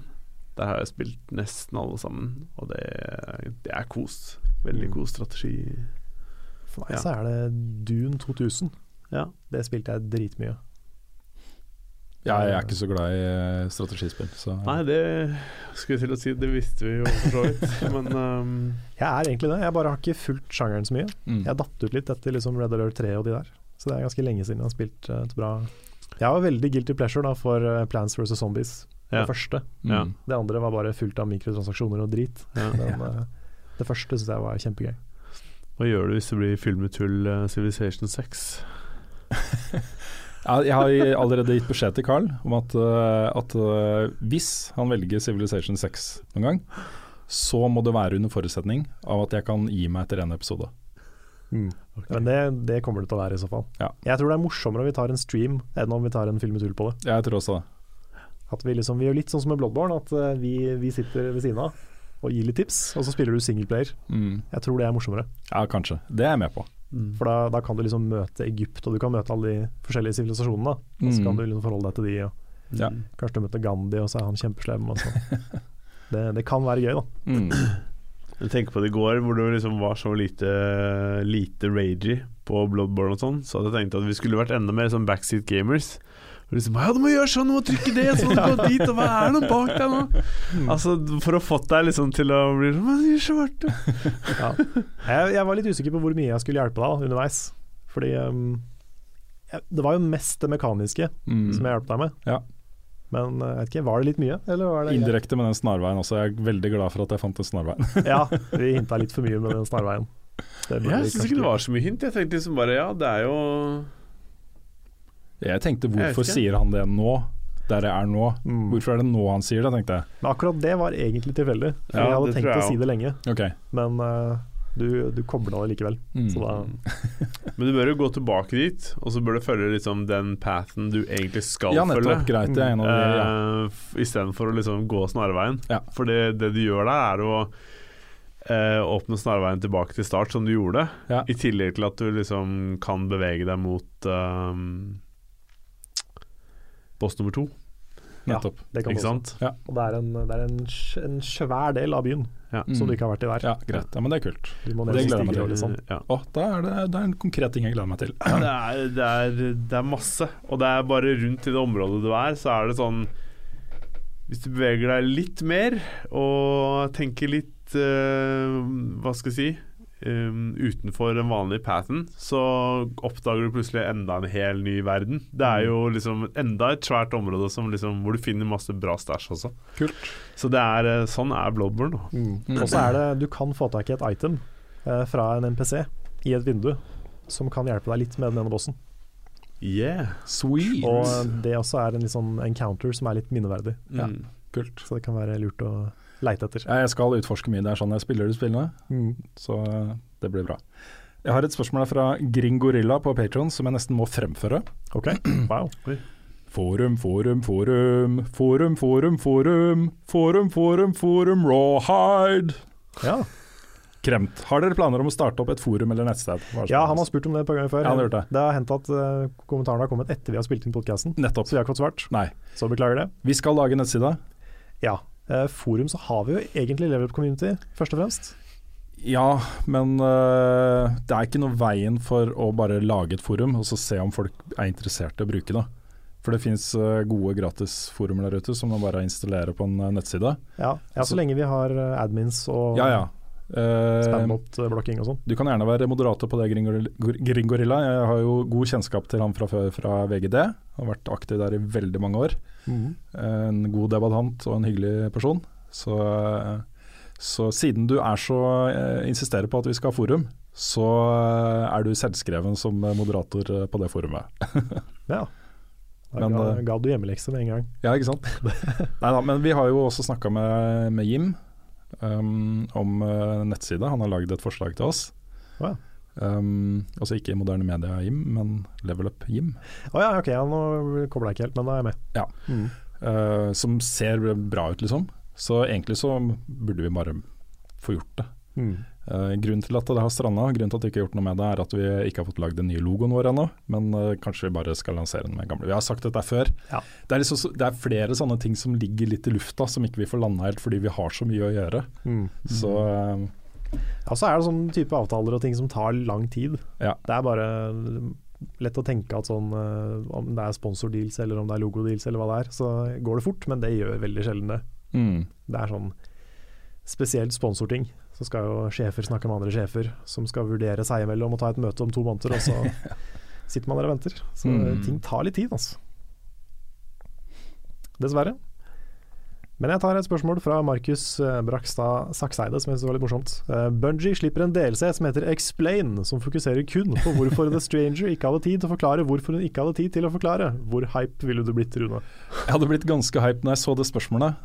Så så jeg for meg i hodet liksom Hva om du begynte å, å slippe veldig historiefokuserte delseer, Mm. som tar for seg liksom spesifikke deler av lauren i dette spillet og lager en kul story rundt det? Det hadde jeg vært veldig glad for å se også. Ja, de har fortsatt ikke forklart noe om det der. Nei, men det er fordi de har bare plukka altså, Det ble skrevet en historie til dette spillet som ble skrinlagt, men så har de plukka liksom litt herfra og litt derfra og lagt på litt nye ting, og så har det blitt et sånn lappeteppe av ting som ikke eh, henger sammen. da. Mm. Så historien i- i Destiny i seg selv er ikke så veldig god. Uh, den ble mye mer fokusert da de kom inn på eh, Taken King. Så Taken King er en eh, storymessig også en god uh, pakke, da, syns jeg. Uh, Rise of Iron igjen syns jeg ble litt, litt sånn ja, Det er noe ulver og noe snø og noe greier, liksom. men, uh, men jeg syns Taken King var kul. da Story, Spille story campaign i, i, um, i Taken King syns jeg var gøy. Mm. Um, Det var det. masse bra humor. Og. Så hvis de hadde bare lagt liksom sånn fokuserte Det er den ene tingen som, eh, som, eh, jeg som jeg virkelig savner i Destiny. Det er uh, mer spissa, storyfokuserte quests som ender opp med å få noe fett. Mm. Ikke sant? Litt sånn Dungeons-tankegangen, ikke sant. Ja. Eh, hadde det hatt det, så hadde det vært dritkult. De har jo lagd quests for å få Jallarhorn da, i Rise of Iron og sånne ting. Men det er liksom OK, du må innom Tower og så snakke med noen folk, og så må du dit og gjøre en ting, og så må du dit og gjøre en ting, og så må du tilbake til Tower og snakke. Og så Jeg vil være på ett sted og bevege meg liksom Mm. videre. Langt liksom mini-raid, men for singleplayer, da. Mm. Det hadde vært dritkult. Mm. Kan jeg få lov til å ta et Destiny-spørsmål til? Ja. Det kan du. Eh, det er fra Bjørn Anders eh, Ulsund. Eh, han spør hvilke regler vi følger i Perma Destiny. Eh, har skjønt at du bare kan bruke våpen og gear som dropper for den karakteren, men kan du bruke materialer, Moto Light, Three of Coins osv. fra andre karakterer? Eh, og ja, det har vi bestemt oss for at vi kan gjøre. Um, rett og slett fordi eh, det eliminerer mange, mange, mange timer med grinding. Mm. Eh, og det føler vi uh, personlig, da, vi tre som spiller det gjennom nå, at uh, ikke er noe vits. Også, så, så vi bruker legendary marks, vi bruker trio coins og sånt, men vi bruker ikke exotic engrams fra andre karakterer. Vi overfører ikke våpen eller armor fra andre karakterer. Kun lov til å bruke gear som dropper for den karakteren, eller du får ved å levele up factions eller sånne ting. Mm. That's it. Ja. Men uh, bare, bare det at vi får lov til å bruke materialene fra de andre, og glimmer og sånne ting, gjør bare opplevelsen mindre grindy. Da får vi fokusert mer på, på missions. Mm. Mm. Ser den. Jeg har et spørsmål her til meg fra Tommy Tollefsen. Han spør hvilken karakter vil du gjerne ha når Smash 5 eventuelt kommer, bortsett fra Sora, of course. Han calla en av de jeg skulle si. Eh, og eventuelt, hvem vil du ha vekk? Det er, det er ingen jeg vil ha vekk, tror jeg. Eventuelt noe sånn Må ikke ha Dr. Mario der, f.eks. Men uh, Phoenix Wright hadde vært en kul figur i, i Smash. Det er det første jeg kommer på nå. Det har vært kjempemorsomt. Det har vært kjempemorsomt å liksom slåss med gode argumenter og objections. Ellers så øh, hadde jeg ikke sagt nei til en Dr. Robotnik. Eventuelt Tales Mm. hadde vært kult. Og King K. Rule hadde vært uh, stilig for meg. Fra Donkey Kong. Mm. Det er nok de, det er de jeg kom på i første omgang. Det er så mye bra spørsmål her. Det er det. Det er veldig mye bra denne uka Ja, Jeg tar et Ja, det fra blir en lang podkast. Ja, det gjør det, men det får bare, får bare gå. Ja. Jeg tar et uh, bra et her fra Espen Hovlandsdal, vår gode venn fra VG-tiden. Uh, han lurer rett og slett på hva er prosessen når dere lager en anmeldelse eller klassikerspalte. Manus, klipping. Hvor mange feil gjør dere når dere voicer, og hva slags software bruker dere til de forskjellige oppgavene? Det er litt sånn teknisk, men Ja. uh, kan det være greit å gjøre en liten gjennomgang. Vi, vi kan det. Jeg bruker uh, som regel uh, kameraet mitt, det gamle VG-kameraet. Et Canon uh, H20, er det ikke det heter? Jo, det kan stemme. Ja, bruker mikrofonen til det, uh, og voicer ting. S eh, bare henter lyden herfra. Eh, innimellom når vi, eh, har, uh, når vi har podkast og ikke møtes i studio, så bruker jeg Audacity og recorder på PC med et Sennheiser headset med mikrofon. Mm. Eh, og prosessen er egentlig eh, først spille det. Ikke tenke så mye på hva man skal lage til slutt, men bare spille det og, og sånt. Det hender jeg tar noen få notater. Hvis jeg kommer på et eller annet formulering eller et eller annet på noe jeg akkurat har opplevd, at jeg bare noterer ned den setningen. Mm. Um, men stort sett ikke. Så hvis jeg har god tid, så fordøy det en dag eller to. Så skrive manus, eh, og så filme og klippe. Mm. Så klipper vi video i Premiere. Yes. Ja, um, jeg har jo litt av samme greiene. Hvis jeg f.eks. lager et klassikerinnslag, så begynner jeg med å spille det. Har som regel en idé før jeg begynner å spille det, sånn til hva jeg har lyst til å lage. Så tar jeg opp masse video. Uh, masse video. Tar opp egentlig alle videoene jeg spiller, som ikke er så veldig smart, men uh, alltid det jeg gjør. Um, så lager jeg et manus som jeg bruker uh, kanskje et par timer på å skrive.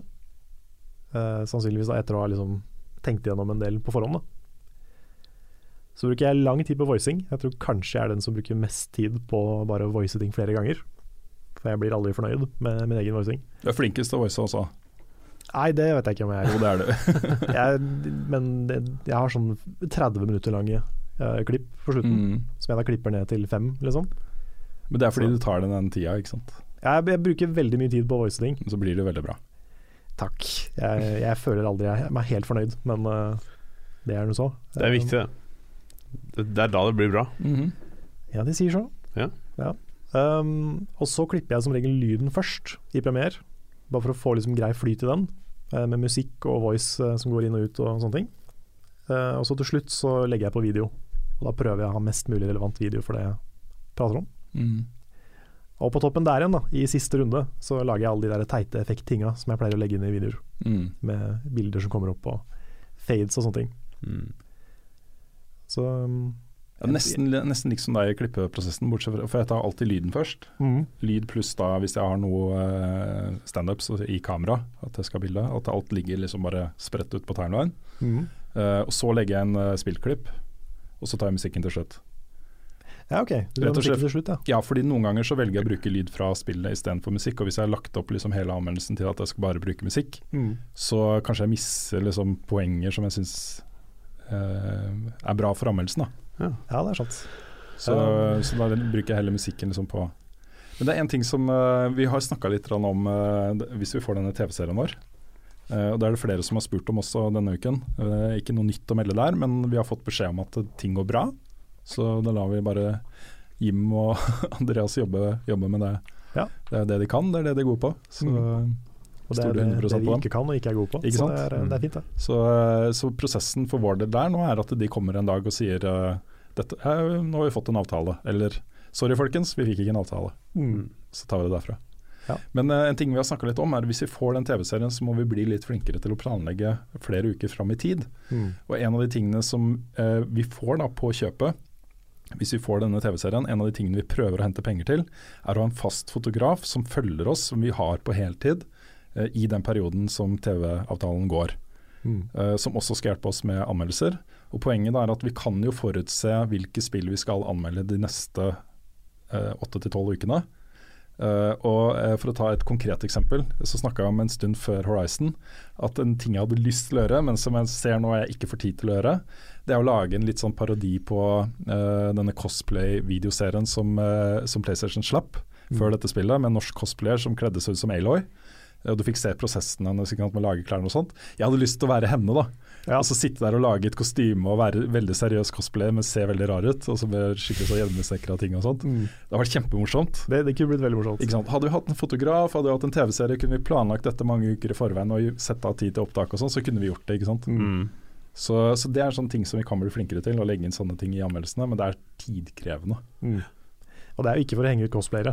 Nei, overhodet ikke. Det er for å henge ut meg selv. Mm. Altså, det, blir, det hadde blitt en sånn Jeg er morsom på min egen bekostning, på en måte. Ja, ja.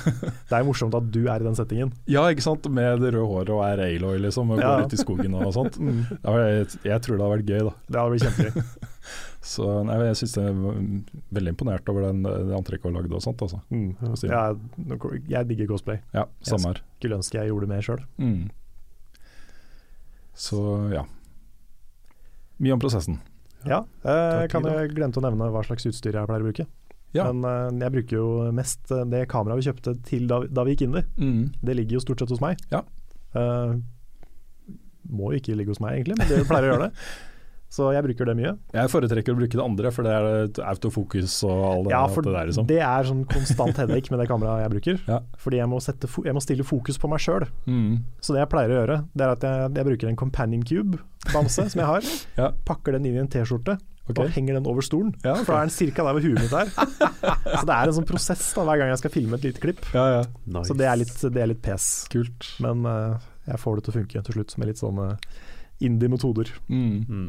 Og så bruker jeg mye et Sennheiser 363D, Mm. tror jeg det heter, headset, til å voice lines. Ja. Kan også bruke VG-mikrofon, men jeg pleier å bruke headsetet mitt. De VG-mikrofonene er ganske bra, altså, sånn egentlig. Lydmessig så er de veldig Ja, kjempe, kjempemessig. Veldig bra. Sykk Jeg har et veldig bra siste spørsmål, okay. Men uh, vi kan uh, plukke et par til først, kanskje. Jeg har et kjempebra et her fra Alf Inge Wang på Patrion. kjent fra Kahoot. Ja. har vært involvert i starten der. Mhm. Uh, han spør når opplevde dere sist å spille et spill som føltes helt som noe nytt og ikke en rutine. Mitt, eh, min siste lignende opplevelse var The Last Guardian, da jeg helt fra starten av uh, spillet forsto at dette var noe annet enn de fleste andre spill. Og Det er jo en sånn ting som vi lengter etter og etterlyser. Den Mm. følelsen av å sitte med et spill hvor du føler virkelig at ok, dette har jeg ikke opplevd før, dette er noe nytt, dette er noe helt annerledes. Det finnes ingen spill der ute som ligner på dette spillet. Mm. Sant. Nei, det er kanskje også The Last Guardian for meg, som var det siste jeg spilte som føltes sånn. Ja. Ja, jeg følte jo det også, men på, samtidig så var jeg jo litt forberedt på, på eh, stilen og tematikken i spillet. Mm. Og det, det er jo beslekta med uh, Colossus og IK. Så jeg ble ikke, sånn, jeg ble ikke den type overraska av det spillet, tror jeg. Veldig glad i det, selvfølgelig, og, og det ligner ikke på noe annet der ute. Men for min del så var det Inside, tror jeg. Ja. Jeg tror det, den sterkeste følelsen av det jeg har øh, kjent på lenge, det er The Witness. Ja, det, Det- var det før, før Inside. Ja. så var det The Witness. Det, det føltes som noe jeg aldri hadde spilt før. Mm. Um, ellers så finner du ofte liksom shades av andre ting i det man spiller. Ja. I hvert fall øh, Det er sjelden jeg får 100% den følelsen, men jeg fikk, det, Mm. fikk det litt av The Witness. Ja. Egentlig enig. Fordi jeg, husker i hvert fall Inside uh, hadde den uh, påvirkninga på meg. Jeg har aldri vært så intenst oppslukt av noe. Mm.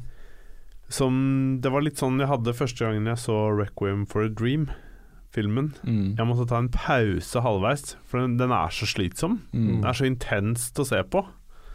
Ja, jeg var, jeg var Um, sliten da jeg så den på kino, husker jeg. Mm. Og det er eh, Det var sånn jeg hadde med, med Inside. Jeg måtte liksom bare Ok, nå må jeg ta en pause, puste litt. Og så gikk jeg og pratet med de andre, og så bare Herregud, gutta! Jeg var jo helt lost. Åh, jeg hadde det samme med um, første episoden av Legion også, nye Fox-TV-serien. Ja, den var Mm. tøff. Som er så spesiell, altså. Så utrolig kult laga. Jeg måtte se den to ganger, og det skjer aldri med TV-serier. Nye TV-serier. At jeg går liksom rett og ser samme episoden en gang til, liksom. Må du fortsette å se den, eller? Jeg har sett andre episoden også. Er det, fortsetter det like bra, eller? Ja ja, det, ja, den er ikke like bra som den første, men de må jo lande det- litt. Ja. Den første episoden den eh, er jo fortalt litt i formspråket til hodet til eh, hovedpersonen. Ja. Han tror jo han er gal, og alle, mener, alle er overbevist om at han er gal, mens han egentlig er en av de kraftigste eh, psychics, eller hva heter det, sånn telekinesis og sånt, Mm. I verden, liksom. Det er jo en X-Men-serie, dette her. Mm. Um, Så den er jo fortalt litt fra ståstedet hans, hvordan han ser verden, ikke sant. Og bruker det formspråket. Og det skjer masse. Det er en dansenummer der, og Mm. en rar mann i buskene som liksom nikker med når det Så det er masse Ja. sånne ting, da. Ja, han friker meg ut, han der gule fyren. ja. Han, eh, han der, eh, ja, blobben. ja, stemmer. Mm. Uh, the Devil with the Yellow Eyes, eller hva Ja. man kaller den. Få sett der, altså. Mm.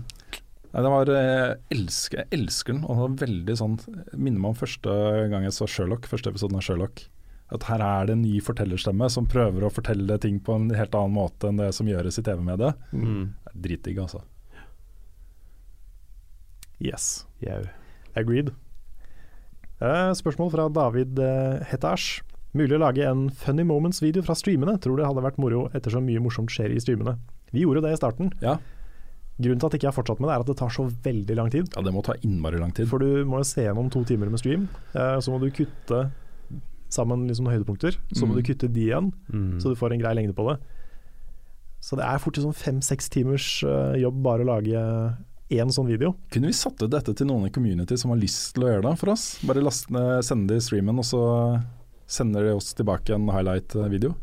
Ja, hvis noen har lyst, så er det ja, bare å gjøre det. Uh, men det er en stor jobb. Ja, men det, det det handler om er jo bare å ha to timer til overs, hvor du ser gjennom og eh, sakser ut de eh, klippene som du mener er Så det, tar en, det er en to timers stream som det tar kanskje fire timer, da. Tre-fire timer å lage highlight-video fra. Mm. Ja, Jeg tenker Skal du gjør gjøre det, så følg med på streamen, liksom, og så noter eh, ti Ja, tidspunktene. det er og så vet du det er det liksom mest eh, effektive. Det, det ja. kunne vi gjort, Mm. det er sant. Men uh, ja, problemet også var at vi lagde jo fort uh, De videoene vi lagde i starten var jo f- månedlige, Mm. så det var jo fire streams. Ja. Og da må du se gjennom åtte timer. Mm. Ja. Så um, Ja, fordi hvis du skulle fortsatt å gjøre det, så måtte du nok ha bare gått over til å eh, nappe ut fra ukens stream, og så vente til neste med å ta den. Så Ja. at ikke du får fire streams på rappen, mm, som du må ta samla, liksom. Mm. Ja, det er det. Så jeg, det Det, som, det er det som tar tid med klipping. Det Ja. å se gjennom Mm. ting.